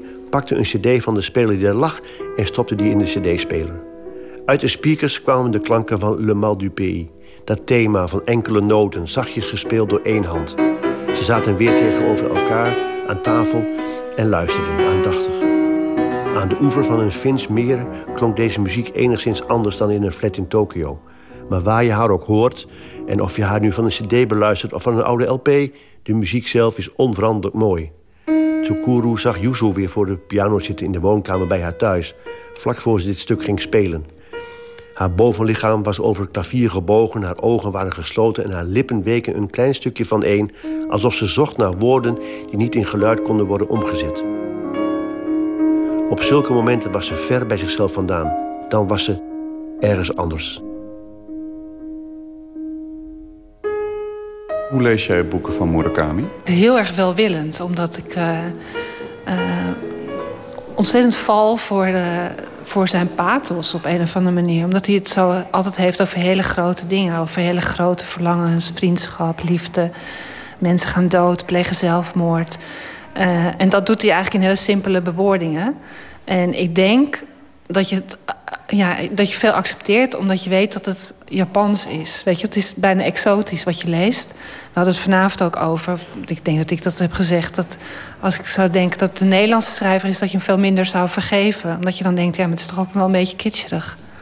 Wa- Want wanneer wordt het dan kitsch?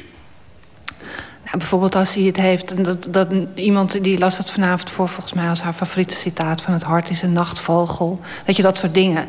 Hij heeft ook weer iets in deze roman over de tijd. Dat is dan een mot die eventjes op een sleutelbeen gaat zitten en dan verpulvert of verdwijnt in de nacht. Weet je, het zijn best wel van die grote metaforen. Dat je denkt, nou ja, doe maar eventjes rustig. Maar bij hem, op een of andere manier, is het toch, werkt dat wel mooi.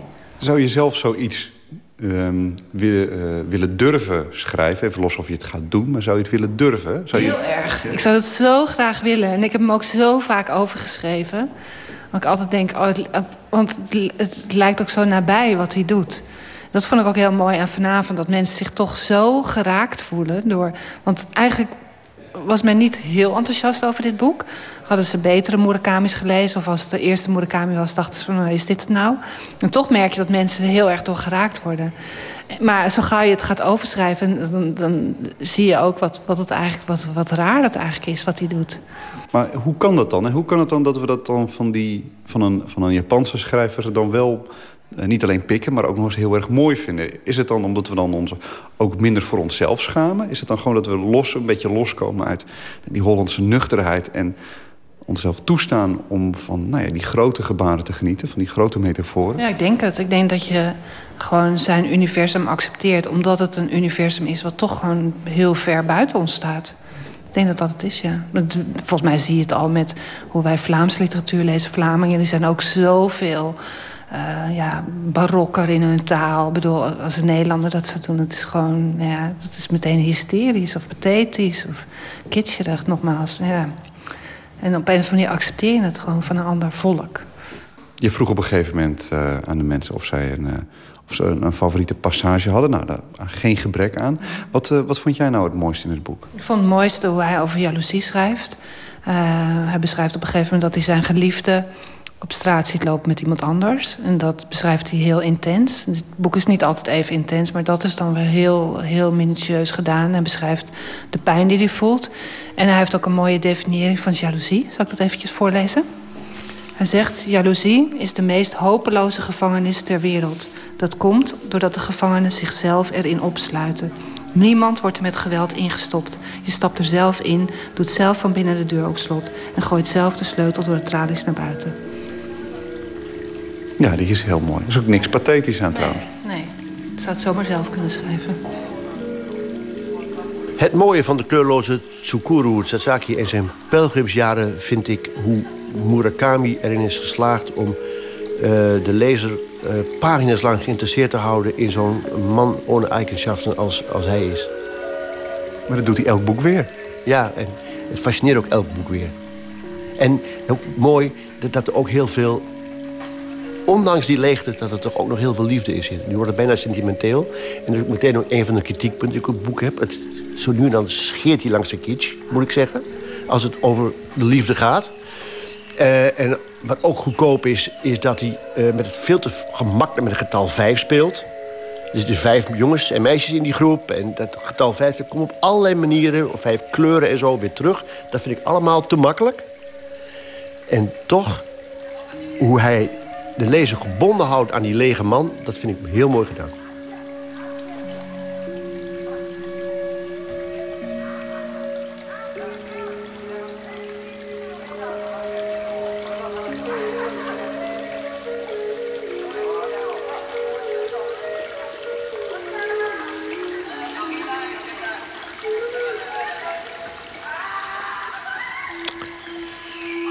Maarten Westerveen was dat in gesprek met Theo Hakkert, schrijver Marja Pruis en fan van Haruki Murakami Tineke. Over de nieuwe roman De kleurloze Tsukuru Tasaki en zijn pelgrimsjaren.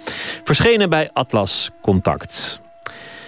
Meer muziek van uh, Noorderslag. We besteden er uh, lekker veel aandacht aan. En een band die daar uh, gaat spelen is een muzikale bende rond de songschrijver J.P. Mesker. Bestaat uit zeven bandleden.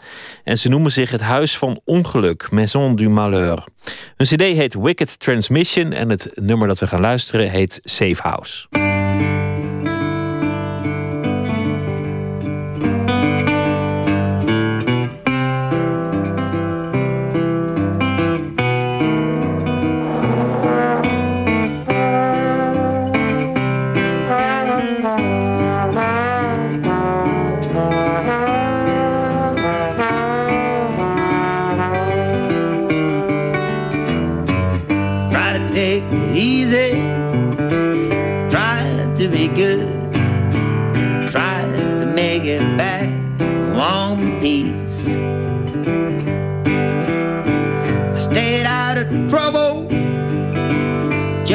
for a day, even though it's not my expertise.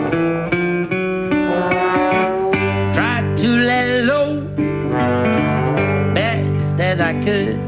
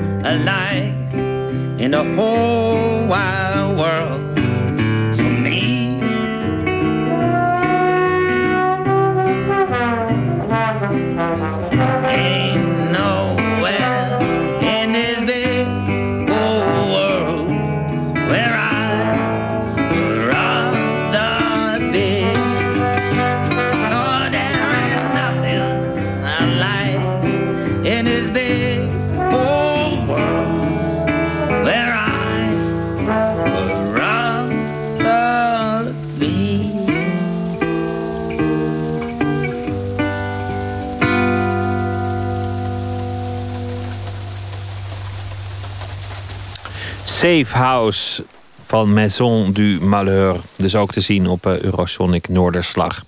In de rubriek Door de Nacht vertellen mensen over wat hen letterlijk of figuurlijk door donkere nachten heen helpt.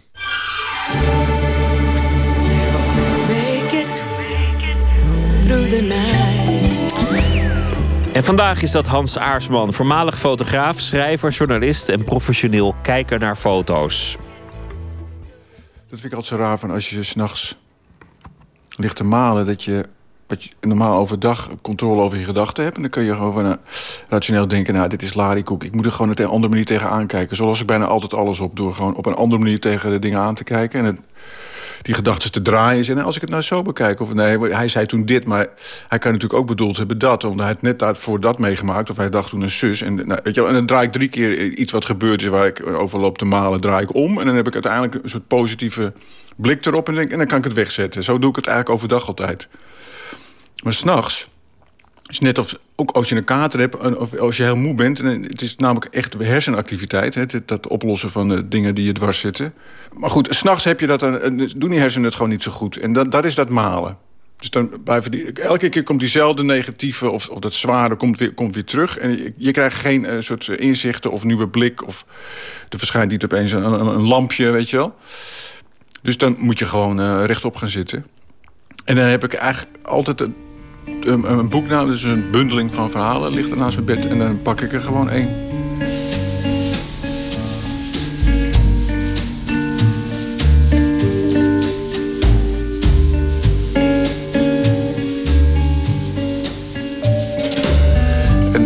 En, dat zijn altijd korte verhalen en daarin worden op een hele slimme manier altijd uh, kwesties opgelost. En, en het gevoel wat je daar aan overhoudt is dat alles oplosbaar is als je maar goed nadenkt. Nou, dat is eigenlijk dezelfde uh, van, uh, theorie van uh, ongelukkig zijn is een kwestie van slecht nadenken. Dus je kunt met, met je hersenen eigenlijk al, alles gewoon oplossen. En dan, dan pak ik er eentje.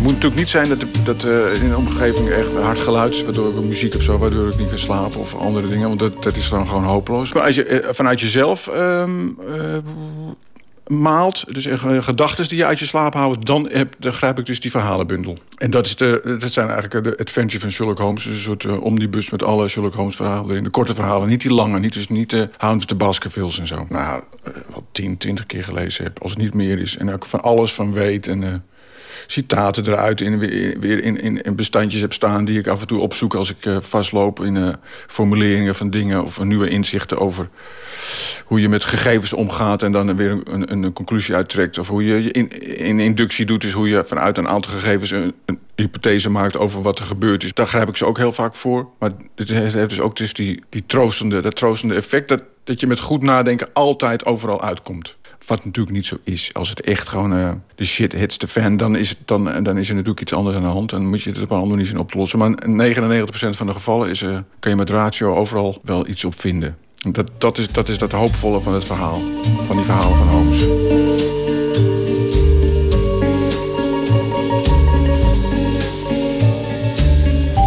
Natuurlijk ook die tijd is dit, zeg maar, de uitloop van de verlichting... waar iedereen dacht, net de hersens hadden ontdekt als een belangrijke motor voor de voor de samenleving en, en voor jezelf. De, daar past het heel erg in.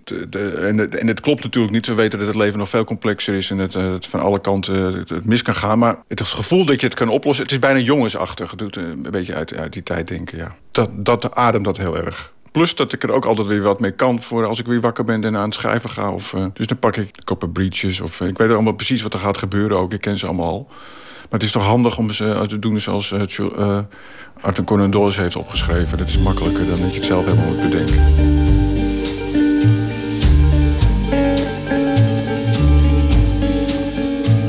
Maar ook zo leuk is aan Holmes, dat het eigenlijk heel socialistisch is. Want hij woont eh, zelf op één hoog hè, in Engeland. En uh, het is altijd zo, als er ergens een moord is gepleegd... en er is ook een graaf of een kasteel of een andere iemand van hogere kringen bij betrokken... dan is dat altijd een moordenaar. Daar kun je gewoon gif op innemen. En die doen ook altijd, als er dan Holmes binnenkomt en zijn kaartje laat zien... dan staat er Baker Street 221B. En dan trekken ze zo'n één wenkbrauw op van... Dus dit plebse mannetje dat op één hoog woont ergens in de stad... weet je, een appartementje heeft en ik, hij woont dan in een kasteel. Dat vind ik ook altijd zo te gek, dat moment. Hoop ze zo denigrerend tegen Holmes gaan. Dus dat zit er ook allemaal in.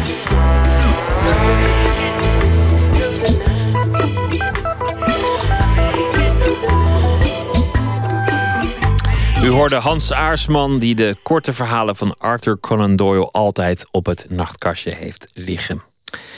In de hoogtijdagen van de videoclip kon je met één enkele traan de hele wereld imponeren. En dat leverde dan een wereldhit op. Sinead O'Connor overkwam dat met een uh, nummer dat ze eigenlijk van Prince had gecoverd. 1990 was het. Prince schreef het niet voor Sinita O'Connor, maar voor een funkband, The Family. Die heeft het ook daadwerkelijk op plaat gezet, maar niemand die het opmerkte. En live wilde Prince het zelf toch wel eens eh, spelen. In dit geval als duet met Rosie Gaines. En zo kwam het in 1993 op zijn Greatest Hits CD terecht.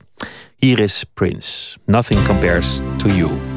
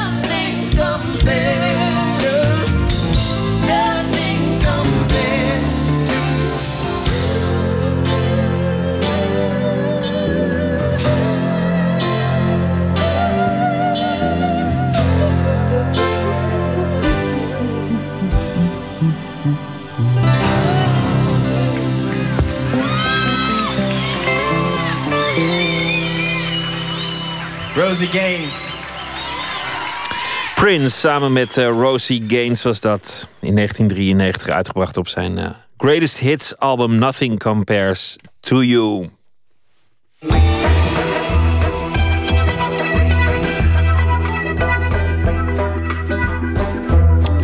U luistert naar Radio 1, de VPRO, met het programma Nooit meer slapen.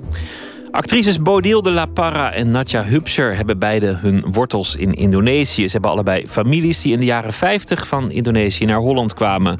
Hun moeders liepen met blote voeten door de sneeuw en merkten dat hun wasgoed er als krokante kroephoek bij hing. In de muziektheatervoorstelling Oude Pinda's vertellen de twee over pinda's in regenachtig Nederland. Botte Jellema sprak hen in Theater Bellevue in Amsterdam na afloop van de eerste try-out.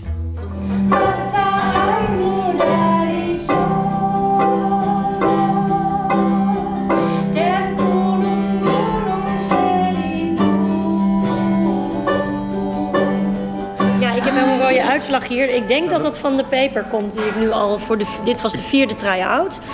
Eh, en eh, ja, Kees van der Voren, die met ons meespeelt en ook de mooie muziek eh, maakt, die, die hoort dat gesprek tussen ons en die zegt en dat ik zeg van ja, het kan me niet heet genoeg zijn. Ik kan ook zo'n peper eten. Ook de rode lombok. En dan komt hij met zo'n hele grote rode peper.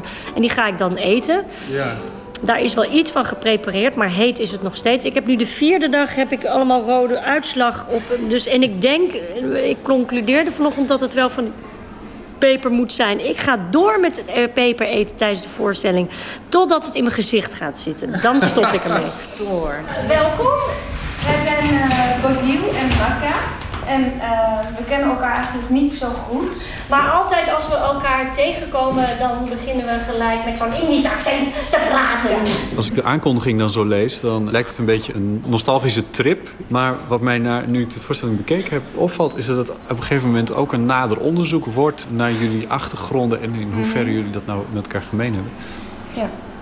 Ja, en dat want zag ik een beetje samengevat in het eten van die. eh, peper. En ja, dat, daaraan merk je dat mijn oma kon die peper nog zo rauw eten. En dan had ze geen problemen mee. En als ik het doe, dan, eh, ja, dan weet, ik, weet ik niet waar, waar ik het zoeken moet. Ja, we kwamen erachter dat, ja, dat we allebei verhalen hebben eh, over onze families. Hoe ze eh, naar Nederland kwamen.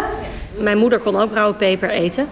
En er werden er vroeger bij ons thuis, kan ik me nog goed herinneren, dat er soort wedstrijdjes werden gehouden. Van, eh, maar mijn moeder at, at echt zo'n hele kleine eh, groene rabbit. Dat zijn de, zwaar, de, de heetste pepers die er zijn. Ja, die kon ze gewoon eh, eh, zo eh, eten. Was ik maar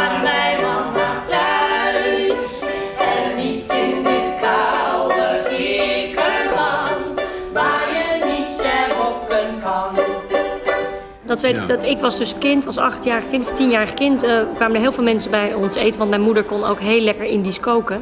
En eh, ja, die, er kwamen heel veel mensen over de vloer. En eh, ja, dan, dan weet ik nog, kan ik me herinneren, dat er dan een, een vriend van ons, een huisvriend, en dat was, die had echt rood haar ja, en, en van zo'n rode huid. En die zei, nou, dan wil ik het ook wel eens proberen. En toen begon hij die peper ook te eten. En daarna zag ik dat hij helemaal werd afgevoerd. En mijn moeder en al die vrienden... af, afgevoerd. Nou, op de bank en dan moest hij met natte handdoeken. Want hij was dus, het sloeg hem paars uit. Want hij had dat dus geprobeerd. Nou, dat heb ik als kind toen ik tien was of zo gezien. En dan was het hele gezelschap lag in, mijn, in een deuk. En Is dat een beetje metaforisch voor, die, voor deze hele voorstelling? Waarbij jullie die nostalgie in eerste instantie samen aan het ontdekken zijn. En dan op onderzoek gaan, dus dat, oftewel die peper eten. En dan blijkt die toch wel best wel een beetje pittig te zijn. En dan blijkt jullie geschiedenis toch ook wel wat rauwer met elkaar Ja, te zijn. ja, we zeiden gisteren tegen elkaar... de voorstelling kan misschien ook heten oude pinda's met AU. Hmm. Omdat er toch wel eh, wat eh, pijnpunten zo boven komen tijdens zo'n onderzoek. Het verhaal is over twee families die Indonesische roots hebben. Ja. Waarvan de ene familie meer naar de Chinese kant. ja, mijn familie is eigenlijk bijna helemaal Chinees. Ja. En er is ergens maar één oma die Indonesisch is. Of dat is zeg maar de overgrootoma van mijn moeder of zo. Voor de rest zijn die Chinezen eigenlijk altijd bij elkaar gebleven. Ook in Indonesië. Dus daar kom ik vandaan. Mijn oma heeft ook nog juwelen gesmokkeld. Die verstopte ze dan in haar onderbroek. Nou, afijn, er zijn nog stapels foto's van. Want mijn oma bewaarde alles. En de andere familie die is eh, Indonesisch. En dan komen de jappenkampen ook snel naar boven. Ja, dus ik kom uit een gemengde ouders. Dus een, een Belanda, een Hollander en een, eh, en een Indo. Een, in, in, een Indische moeder. Dat deed mijn opa altijd, als het per ongeluk over Japan ging. Als ik sushi had gegeten of zo. Want?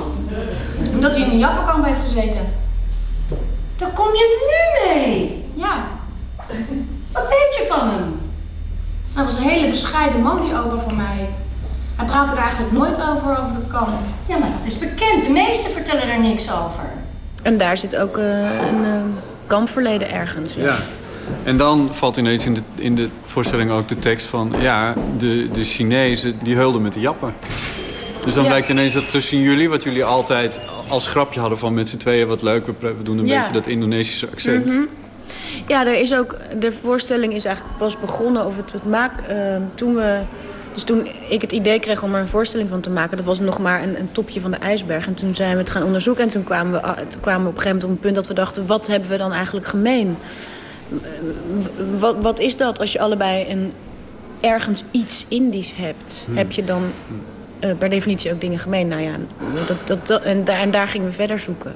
Ja. En toen kwamen we achter... eh, nou ja, vooral terloops worden er dan grote verhalen verteld eigenlijk. Ja, best wel, best wel grote verhalen volgens mij. Ja, ja, ja, nou ja, inderdaad. Zoals je er... er dus ehm, je, kan je, als je opa aan jou eh, in een tussenzin vertelt... dat hij in een jappenkamp heeft gezeten... kun je je daar niks bij voorstellen. En ook niet als hij daar verder niet heel veel over vertelt. Ja, hij zegt wel dat het... eh, Ja, Natja, het was... Het was ehm, eh, het was onvergetelijk. Dat is eigenlijk wat hij mij duidelijk heeft gemaakt. Maar ik heb nooit precies begrepen wat. En toen heb ik een keer op, de, op een, Indische markt... daar lag een boek en daar konden mensen, eh, Indische mensen hun verhalen opschrijven van vroeger, herinneringen. En daar heb ik een verhaal ingelezen van mijn opa... die eh, in het Jappenkamp heeft gezeten. En daar heeft hij beschreven wat hij daar heeft meegemaakt, letterlijk. En, en toen kwam het voor het eerst van mijn leven eh, echt bij me binnen. Dat ik begreep dat het ontzettend veel impact op hem heeft gehad. En dat hij daarom misschien ook wel... Ja, toch wel misschien een, een klap heeft gekregen. En, en, en zo is geworden zoals hij is. Zoals ik hem heb gekend. Namelijk? Eh, nou, ik, misschien toch wel ge- gesloten en eh, moeilijk praten over, eh, over het verleden. Wel, hij praat er eigenlijk de hele tijd over, maar, maar on, onsamenhangend wat mij betreft. Ja. En dan tijdens het spelen ervan, gek genoeg beleef je het opnieuw. En dan eh, kan het soms eh, echt wel aankomen, ook bij ons als maker. En dat is bijzonder. Je illustreert dat door, door op een gegeven moment in de voorstelling te vertellen eh, dat je, tenminste dat stelt Bodil dan voor in de voorstelling, ga je opa interviewen. Ja. Waarbij vraag 1 bij jou is, waarom mag je nergens over praten? Ja, dat, dat is ook een grote vraag die misschien wel altijd onbeantwoord blijft. Maar de, de, ja, je, hebt, je hebt hele op zich oppervlakkig lijkende vragen aan je familie. Zoals waarom schillen jullie van je af? Maar het is toch bizar dat, dat, dat heel veel mensen daar uit dat land van zich... Wat, wat zit daarachter? En, en ehm, dat Indisch geheim. Eh, De vraag is of eh, waarom er nooit, als er iets gebeurt in, in de familie, in de grote familie, grote dingen gebeuren er in elke familie, denk ik. Daar wordt niet uitgebreid over gesproken. En daar wordt, eh, dat, dat, dat gaat vaak langs mij heen. Dat, dat vraag ik me wel af, ja, waar, hoe dat zit en waarom. Ik begrijp die codes niet, blijkbaar. Ik mag mijn opa niet interviewen van mijn oma. Want dan eh, zit zij er maar mee. En dan raakt hij van in de war. En zelf wil ze ook niet over vroeger praten.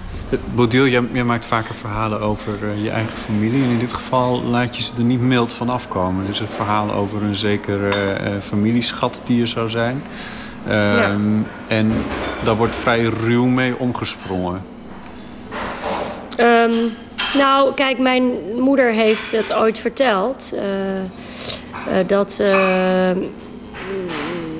mijn oma en haar zus op een gegeven moment juwelen eh, die van de familie waren. Dat ze op een gegeven moment, omdat ze zo bang was dat ze niet een gelijk deel zouden krijgen. Dat ze de juwelier opdracht had gegeven om de juwelen precies in tweeën te hakken. En dat de juwelier daarbij gehuild had. Nou, dat was voor mij aanleiding om die ja, daar een scène over te maken en een heel verhaal. En het is ook zo dat mijn geschiedenis is eigenlijk nog niet afgelopen. In die zin dat ik dat heel voelbaar vind. Het is moeilijk om andere mensen te laten begrijpen. Want daarom heb ik het ook heel episch gedaan. Maar uh, mijn hele jeugd is opgezadeld uh, geweest met het belang van juwelen. Chinezen uh, willen ook altijd financieel heel goed zorg dragen. Maar er zitten heel veel gevoelloze dingen bij eigenlijk. En eigenlijk is soms geld is eigenlijk het allerbelangrijkste.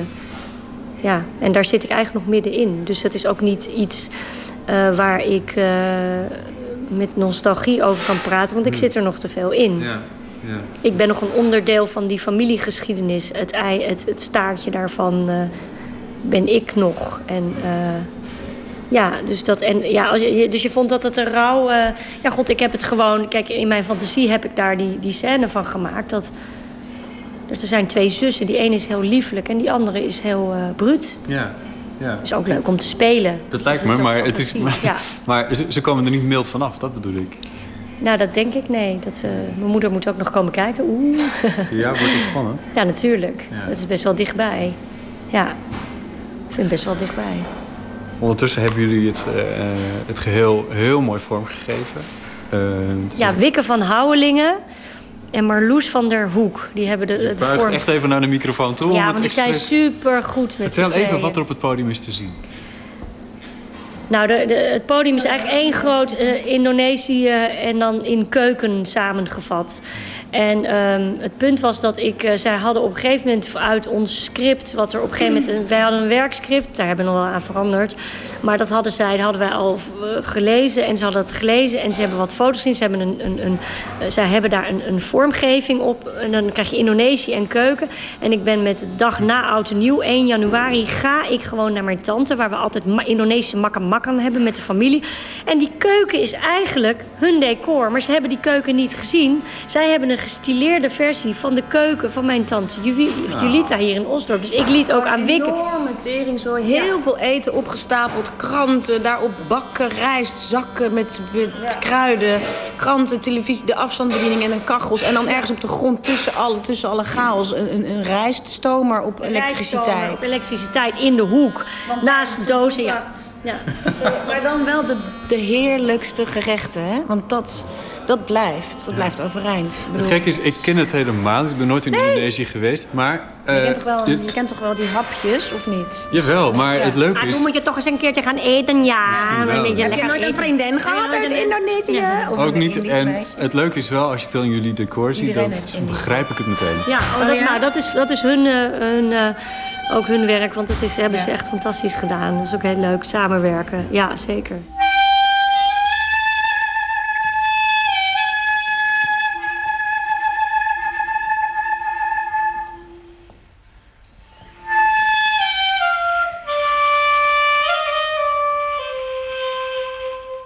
U hoorde Botte Jellema in gesprek met Bodil de la Parra en Natja Hupscher. En de voorstelling Oude Pinda's ging afgelopen week aan de in première als lunchvoorstelling.